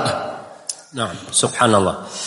Iya, apabila suami murtad setelah menikah bagaimana dengan status pernikahannya jadi pertanyaannya bukan apakah istri minta tolak. Tapi bagaimana status pernikahannya? Pernikahannya batal. Nggak perlu istri itu minta talak karena nikahnya sudah nggak sah. Suami murtad udah nggak sah dia mendatangi istrinya. Udah bukan istri, bukan udah bukan suaminya. Oleh karena itu ketika Zainab putri Rasul sallallahu alaihi wasallam sudah hijrah. Setelah perang Badar Abul As suaminya Zainab itu ditawan ketika perang Badar. Zainab putrinya Rasul sallallahu alaihi wasallam muslimah, tapi dia masih berada di Mekah. Maka akhirnya Zainab mengirim tebusan. Tebusannya itu kalungnya Khadijah radhiyallahu taala. Dia kirim untuk menebus suaminya yang masih murtad. Karena pada waktu itu masih belum, hukumnya masih belum. Akhirnya ketika kalung itu datang Rasul SAW menangis. Beliau mengatakan kepada para sahabatnya, kalau kalian ridho, kalian lepaskan tawanan itu dan kalian kembalikan kalungnya. Karena Rasulullah SAW ingat kepada Khadijah radhiyallahu taala, maka dibalikin. Rasulullah SAW berpesan kepada Al-As, aku minta kau kembalikan putriku. Iya. Maka pulang diantarkan Zainab ke Madinah. Abu As masih kafir. Ketika dalam satu perjalanan perdagangan Abu As ketangkep sama tentara kaum muslimin dan dia akhirnya masuk ke tempatnya Zainab. Ketika sholat subuh Zainab mengatakan aku telah melindungi Abu As suaminya maksudnya. Akhirnya Rasul Wasallam datang ke rumahnya Zainab mengatakan hati-hati dia nggak boleh lagi menyentuhmu nggak halal dia menyentuhmu. Itu pesan Rasul Wasallam kepada kepada Zainab. Jadi kalau suaminya murtad maka otomatis pernikahannya batal.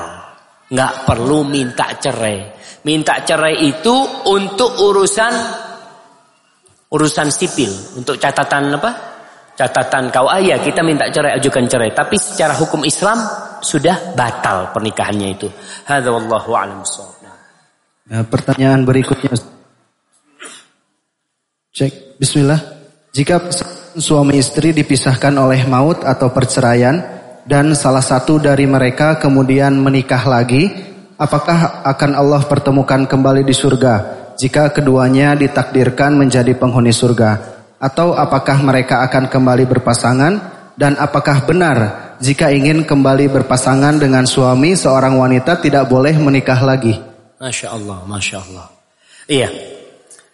Pertanyaan yang Cukup menarik jemaah. Ada wanita-wanita yang cinta sama suaminya sampai mati.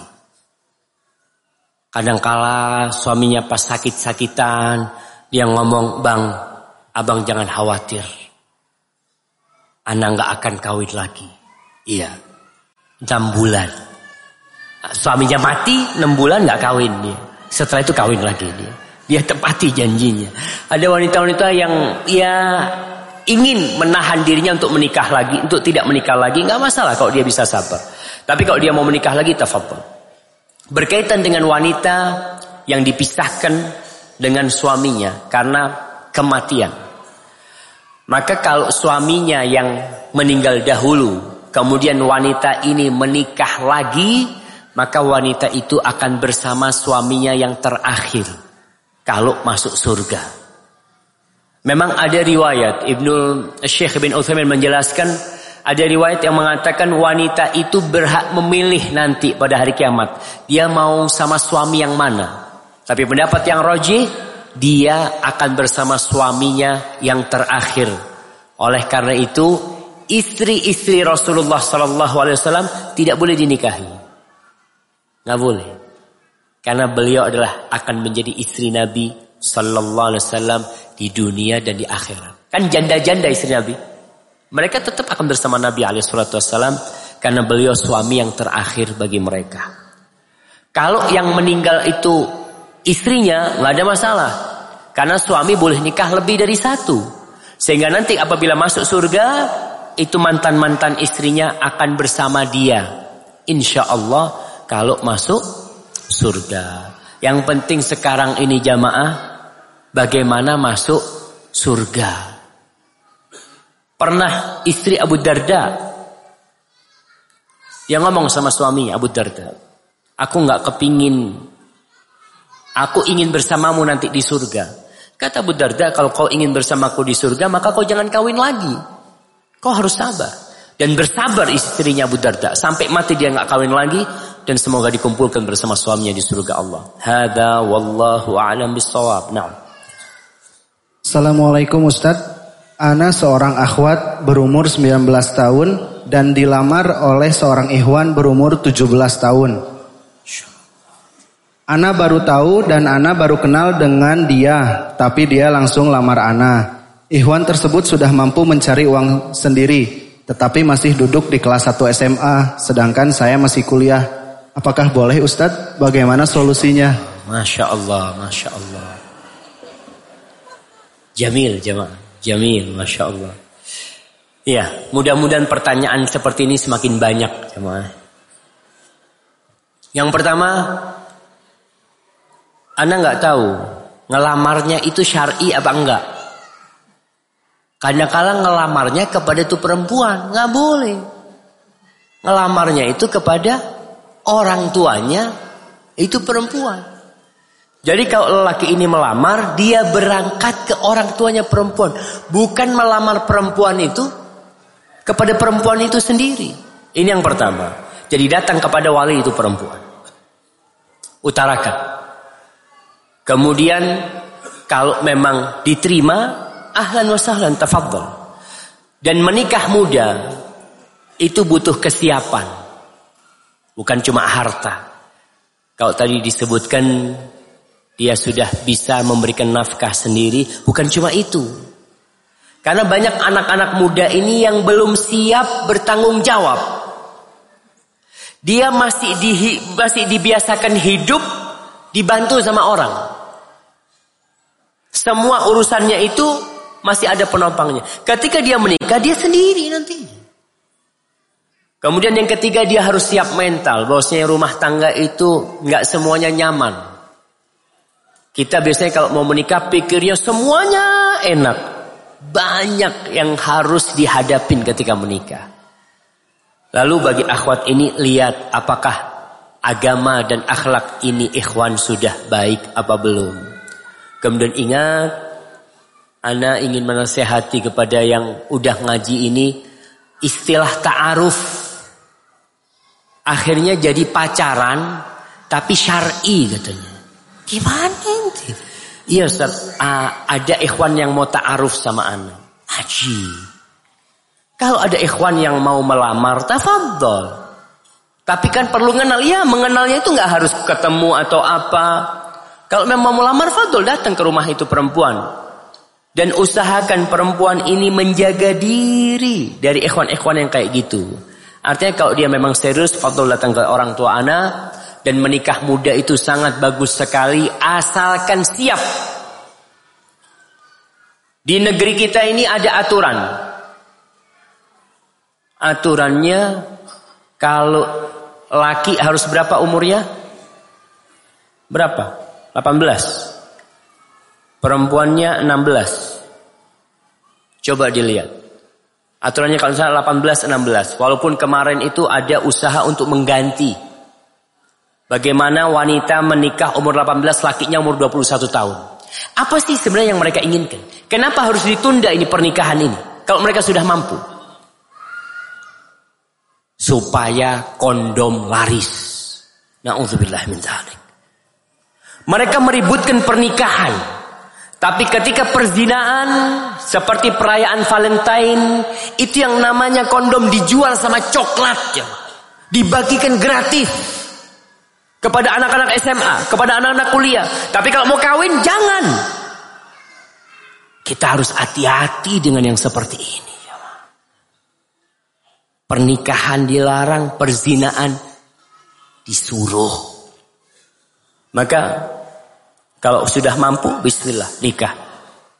Dan kalau memang kuliahnya tidak diharapkan, ada wanita-wanita yang kuliah nanti habis kuliah nggak jadi apa-apa, berhenti kuliah. Karena tidak sedikit orang yang kuliah hanya untuk menambah waktu pengangguran. Dia tahu, anak banyak anak. Kamu nanti lulus kuliah jadi apa? Ya mungkin Ustaz dagang Ustaz. Terus kuliah ngapain? Ya ngapain? Dia juga nggak tahu. Berapa banyak orang yang selesai kuliah kerjaannya itu tidak nyambung sama ilmu kuliahnya pertanian. Ini pertanian, kuliah pertanian. Nanti kerjanya buka warung bakso. Apa hubungannya? Nggak usah supaya baksonya organik. Jadi dia belajar pertanian selama 4 tahun supaya bisa bikin bakso organik umpamanya. Nggak nyambung. Jadi antum lihat, kalau memang perkuliahan antum itu menuju kepada sesuatu yang antum ingin berikan manfaat. Anak kuliah pertanian karena anak ingin memajukan pertanian di negeri ini. Anak ingin bertani ya. Fadol. Banyak anak-anak lulusan pertanian tidak mau ke sawah. Maunya duduk di kantor. Sebagian kayak gitu. Maka lebih baik antum nggak perlu lah. Cari pekerjaan langsung. Tapi kalau memang tuh perempuan ilmunya bermanfaat buat umat. Dalam kondisi kuliahnya juga tidak ada madorot yang menyisi syariat. Tafadol kuliahnya dilanjutkan. Yang SMA terus belajar. dan mereka sudah menikah. Ini sesuatu yang indah. Anda ingat, Anda punya guru seorang profesor, SMA kelas 1 menikah. Laki yang dan terus sampai menjadi profesor. Pernikahan tidak menghalangi seorang untuk kuliah, untuk belajar, untuk meraih karir, tidak asalkan dia siap untuk menerima konsekuensi pernikahan tersebut. Hadza wallahu a'lam bissawab. Naam. Baik Ustaz, pertanyaan berikutnya. Assalamualaikum warahmatullahi wabarakatuh. Ustaz, saya HIV positif karena masa lalu saya, tapi saya sudah taubat dan suami menerima. Apakah saya harus bilang kepada mertua saya dan apakah Allah mengampuni dosa-dosa saya di masa lalu? Jazakallahu khairan. Allahu akbar. Ma'asyil ikhwah rahimakumullah. Kullu bani Adam khata. Kata Nabi wassalam, semua anak Adam itu pasti berbuat dosa. Semuanya. Wa khairul khatta'in at-tawwabun. Namun sebaik-baiknya orang yang berbuat dosa adalah mereka yang kembali kepada Allah Subhanahu wa taala. Kalau dikatakan wanita ini berzina dahulu masa lalu dia mungkin sehingga dia terjangkit HIV positif ya maka dia harus kembali kepada Allah kalau suaminya menerima alhamdulillah dia bersyukur kepada Allah SWT maka dia harus kembali kepada Allah dan jangan takut. Kalau taubatnya taubatan nasuha Allah mengatakan faulaika yubaddilullahu sayyiatihim hasanat. Orang-orang yang bertobat dengan benar, dia beramal soleh kembali kepada Allah, maka semua dosanya itu bukan dihapuskan saja. Tapi dosanya kalau dia memiliki dosa sepenuh bumi ini, sepenuh bumi itu dirubah jadi kebaikan buat dia. Jadi orang kalau tobat itu bukan nol jam. Dia bawa dosa sepuluh tobat, sepuluh dosa jadi kebaikan. Dengan catatan dia benar-benar kembali kepada Allah Subhanahu wa taala. Masih ingat dengan kisah seorang sahabat yang berzina. Antum berpikir ada sahabat yang berzina di masa Rasulullah SAW. Imra'ah Ghamidiyah, sahabat itu nggak maksum. Sahabat itu bukan terjaga dari dosa, enggak. Tapi mereka ketika berbuat dosa, mereka kembali kepada Allah. Seorang wanita datang menyumpai Nabi SAW mengatakan, Ya Rasulullah, ini hubla minaz zina, fatahhirni. Wahai Rasul SAW, aku nih dalam kondisi hamil sekarang dari hasil zina, aku minta engkau menyucikan aku dari dosa zina. Maka Rasul SAW mengatakan, kau pulang dulu sampai engkau melahirkan. Ditunggu sembilan bulan wanita ini membawa beban dosa yang dia lakukan. Anak itu lahir, langsung dia datang menjumpai Rasul SAW. Ini masa yang dia tunggu. Agar Rasul Sallallahu Alaihi Wasallam menegakkan hukum rajam dan membersihkan dia dari dosa. Dia bawa itu anak. Ya Rasulullah, aku sudah melahirkan. Apa kata Rasulullah SAW? Ardi'i. Kau susui dia sampai selesai. Wanita ini pulang dengan sedih. Kapan aku akan dibersihkan dari dosaku? Maka dia susui sampai selesai dua tahun dia susui. Setelah selesai nyusuin dia datang lagi menyumpai Rasulullah SAW. Dan sang bayi dikasih roti. Dia ingin menunjukkan kepada Rasulullah SAW. Anakku sudah nggak minum susu lagi Rasulullah SAW. Dia bisa makan roti. Maka sucikan aku. Akhirnya sang anak diberikan kepada salah seorang sahabat. Dan wanita ini digalikan lubang lalu dirajam. Ketika dilempar. Sebagian darahnya muncrat kepada diri beberapa sahabat. Lalu sahabat ini mencela itu wanita. Maka Nabi SAW mengatakan kepada para sahabat yang mungkin mereka tidak berzina. Rasul sallallahu alaihi wasallam mengatakan laqad tabat taubatan law qusimat ala sab'ina min ahli al-Madinah wala wasi'atu. Perempuan ini nih sudah tobat ya kata Rasul SAW. Andai kata pahala tobatnya itu dibagikan untuk 70 70 orang Medina cukup untuk mengampuni dosa mereka. Antum bayangkan. Taubatnya itu cukup untuk mengampuni 70 dosa orang Medina. Orang yang kembali kepada Allah bisa jadi lebih baik daripada mereka yang tidak pernah berbuat dosa. Maka kau harus takut sama dosa itu. Kembali kepada Allah. Tidak harus ditegakkan hukum rajam. Kalau kau memang tobat, sebenarnya tobat. Apalagi kita di negeri kita nggak ada hukum rajam. Dan tidak perlu kau ngasih tahu mertua, nggak perlu. Kalau ngasih tahu mertua tambah jadi masalah. Maka kau tutupi, kau jaga dan kau perbaiki diri. Ingat, tidak ada penyakit kecuali Allah turunkan obatnya. Allah tuh kalau mau menyembuhkan seseorang tinggal ngomong kun fayakun. Langsung jadi. Hada wallahu a'lam Nah. Uh, Ustadz, dulu pada saat saya masih bekerja, suami berjanji jika saya berhenti bekerja, maka seluruh seluruh gajinya termasuk ATM diberikan kepada saya.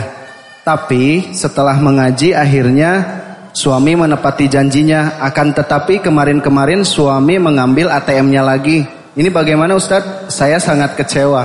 Masya Allah. Subhanallah. Iya jemaah. Memang sebenarnya wanita itu berhenti bekerja karena Allah Subhanahu wa taala. Bukan karena suaminya. Maksudnya kalau memang dia sudah punya anak, dia harus membesarkan anaknya, sedangkan suami sudah mencukupi dia, ya nggak perlulah dia kerja. Tapi kalau dia mau kerja, diizinkan suaminya tafadhol. Selama kerjaannya sesuai dengan syariat. Karena wanita setelah menikah yang menjadi pemimpin adalah suami. Dia tidak boleh keluar, dia tidak boleh pergi, tidak boleh bekerja kecuali dengan izin suami. Kalau suami tidak mengizinkan nggak boleh. Tapi yang tadi yang terjadi itu suami karena baiknya suaminya. Seharusnya seorang istri, suaminya ngomong kau berhenti kerja. Istri harus mengatakan sami'na wa ata'na. Tapi banyak wanita sekarang nggak seperti itu. Kalau disuruh sama suaminya, aduh janganlah bang, aku masih ini, masih itu banyak. Akhirnya suami yang baik terpaksa merayu istrinya. Salah satu rayuannya tadi tuh, kalau kau berhenti, semua gajiku, ATM ku aku berikan kepadamu. Masya Allah, jemaah. Dan kita diperintahkan untuk menepati janji.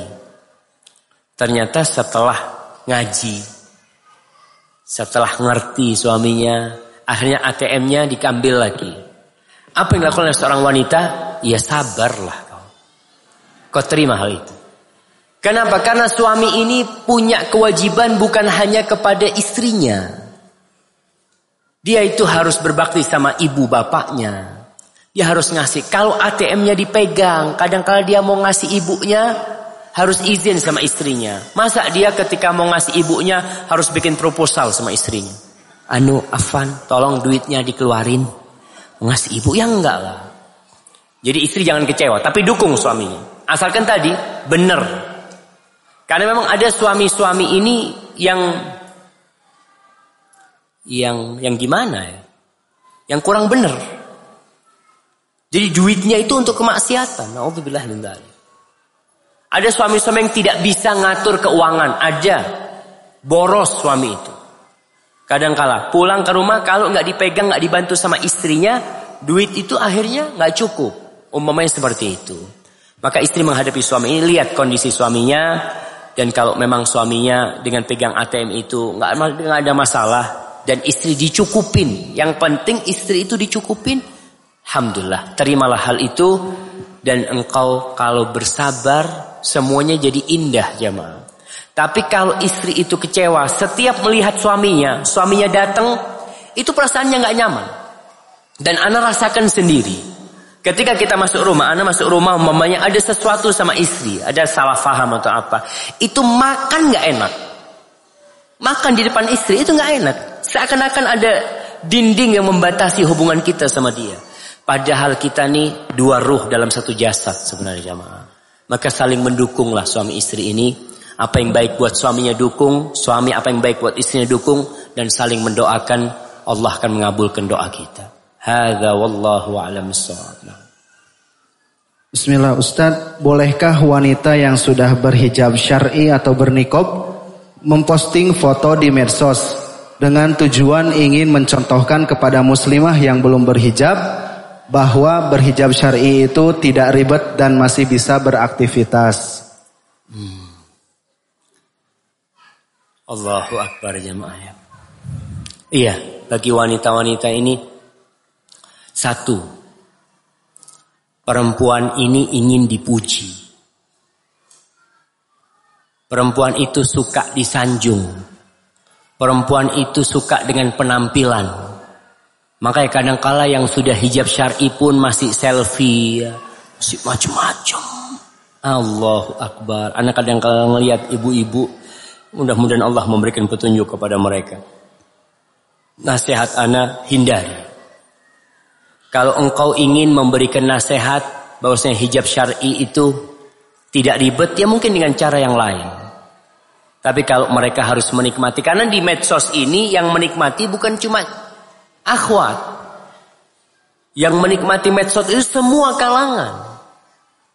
Kalau hanya untuk akhwat mungkin ahlan wa sahlan. Tapi kalau untuk semuanya nggak mungkin jamaah.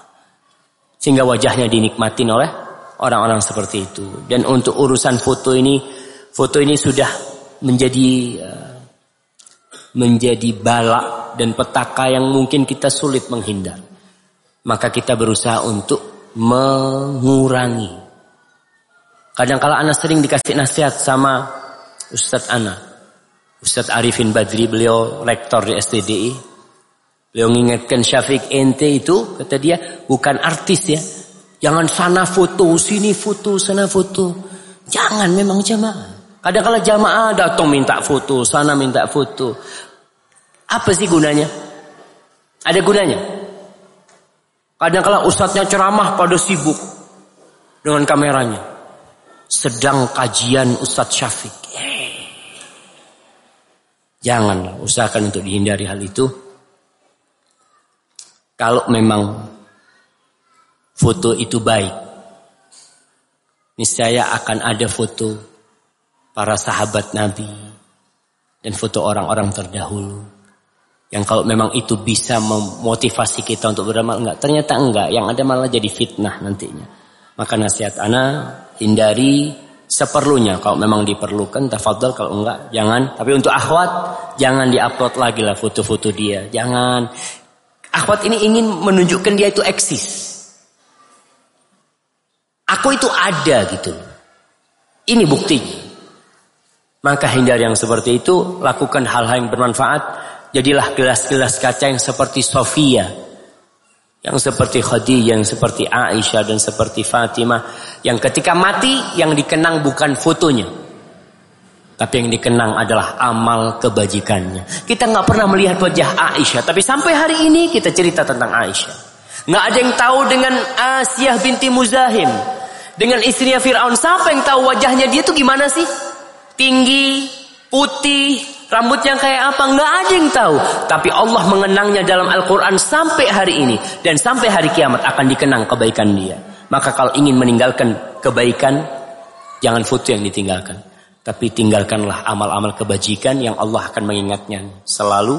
Hada wallahu a'lam Nah.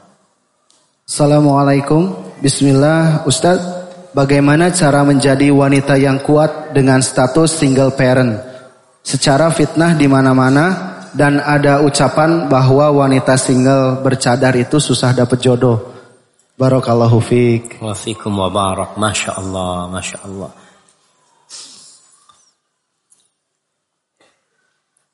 Single parent ini janda dia. Nah, suatu hari Ana ngobrol sama istri Ana, jadi ada keluarga yang jadi janda. Ada dua yang jadi janda di antara kerabat kita. Istri Ana ngomong, Bang, Ana lihat gayanya janda itu lain. Bang. Jadi kalau jadi janda itu gayanya lain. Nggak kayak dulu, jadi lebih genit lah.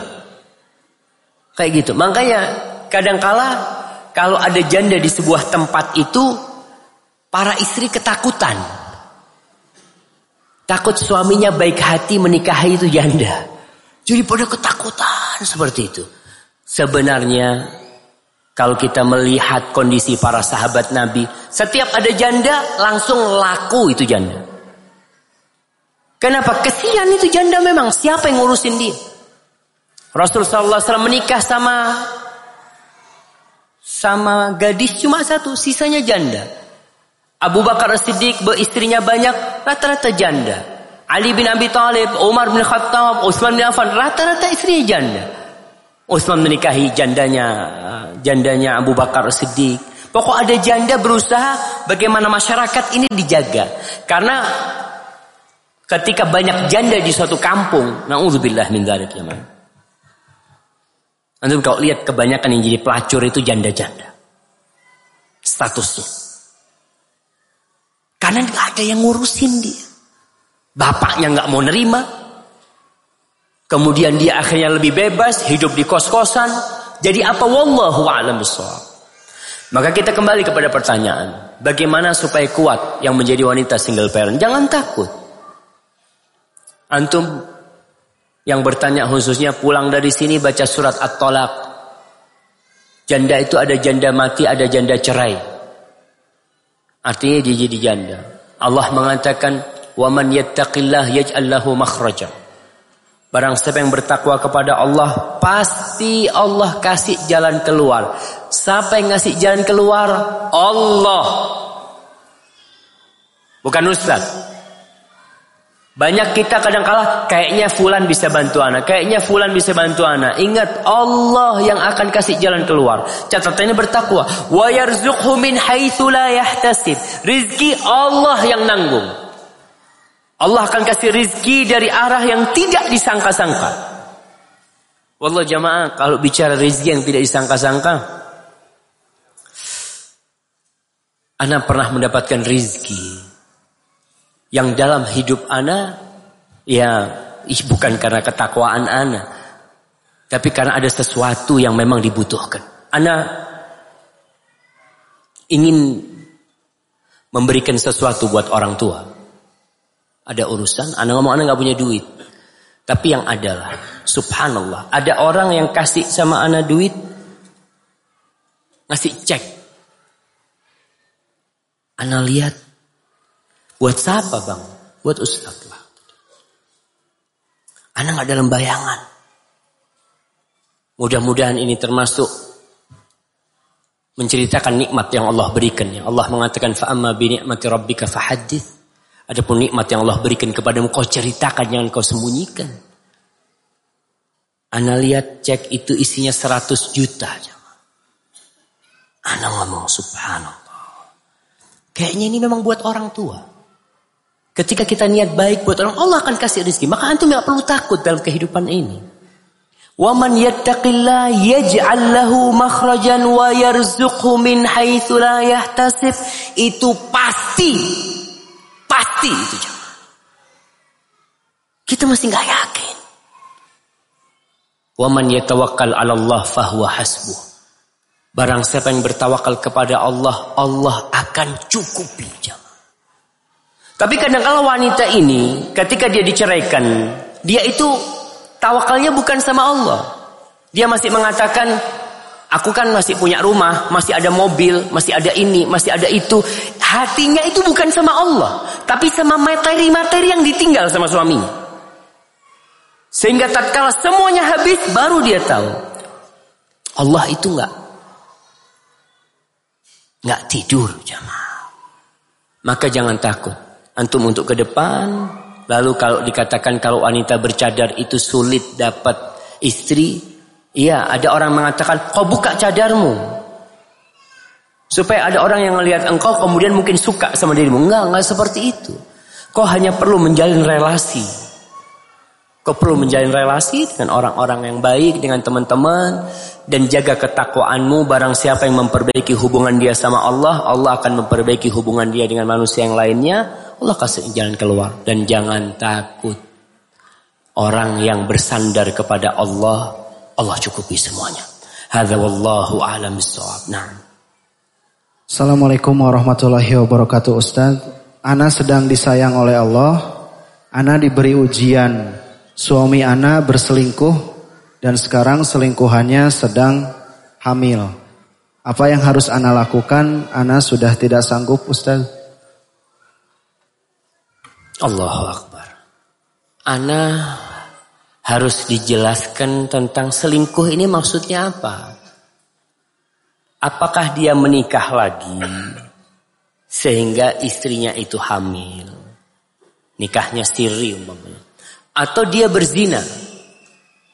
Wallahu a'lam Karena bahasa selingkuh ini kalau bicara nikah yang tidak tercatat di pemerintah itu memang jadinya nanti secara secara hukum terhitung selingkuh. Tapi dalam Islam dia menikah dan itu halal bagi dia. Halal bagi dia. Maka kalau dilihat ujiannya itu apakah suaminya menikah lagi atau suami selingkuh, wallahu alam, Anda nggak bisa jawab. Tapi kalau suaminya berzina dan tidak menikah, ya naudzubillah min dalik. Tapi husnudzon. Mungkin suaminya telah menikah dengan itu wanita dan tanya sama suaminya. Lalu dia dapat informasi suaminya selingkuh dari siapa. Kadangkala berita sekarang ini gampang tersebar. Berimpa gampang tersebar, tapi ternyata bohong. Akhirnya rumah tangga jadi kacau. Maka tolong dicek kebenaran berita itu sampai dia tahu suaminya hamil apa istrinya bukan istrinya selingkuhannya itu hamil sampai punya anak kalau bisa duduk sama suaminya. Kalau bisa dipertahankan rumah tangganya, bisa diperbaiki suaminya, dipertahankan. Kalau enggak, kau berhak untuk minta cerai. Kalau memang dia berzina. Tapi kalau dia menikah siri, umpamanya sampai punya anak nantinya, itu halal bagi dia. Dan kau tidak harus minta cerai dalam kondisi seperti ini. Ada wallahu a'lam Nah. Oh, sudah selesai jamaah. Barakallahu fikum. Itu mungkin yang mengakhiri kajian kita pada kesempatan kali ini. Tapi bagi para para gelas-gelas kaca, para wanita yang di balik tabir ini, tetaplah engkau beramal di balik tabir. Gak perlu ada orang yang mengetahui, tapi Allah akan mengenangmu Jangan berpikir wanita-wanita yang selalu muncul di televisi, wanita-wanita yang selalu tampil di koran di mana, itulah wanita-wanita yang baik. Enggak. Tapi wanita-wanita baik adalah yang mempersiapkan generasi masa depan, yang menjaga dirinya, yang dia menjaga umat dan masyarakat agar mereka menjadi orang-orang yang senantiasa dicintai oleh Allah Subhanahu wa taala. Hadza wallahu a'lam bissawab. Apabila yang anda sampaikan benar itu dari Allah Subhanahu wa taala, kalau ada yang salah dan kurang berkenan, anda mohon maaf. Itu kesalahan dari ana Allah dan Rasul terbebaskan dari kesalahan itu. Subhanakallahumma wa bihamdika asyhadu an la ilaha illa anta astaghfiruka wa atubu ilaik. Assalamualaikum warahmatullahi wabarakatuh.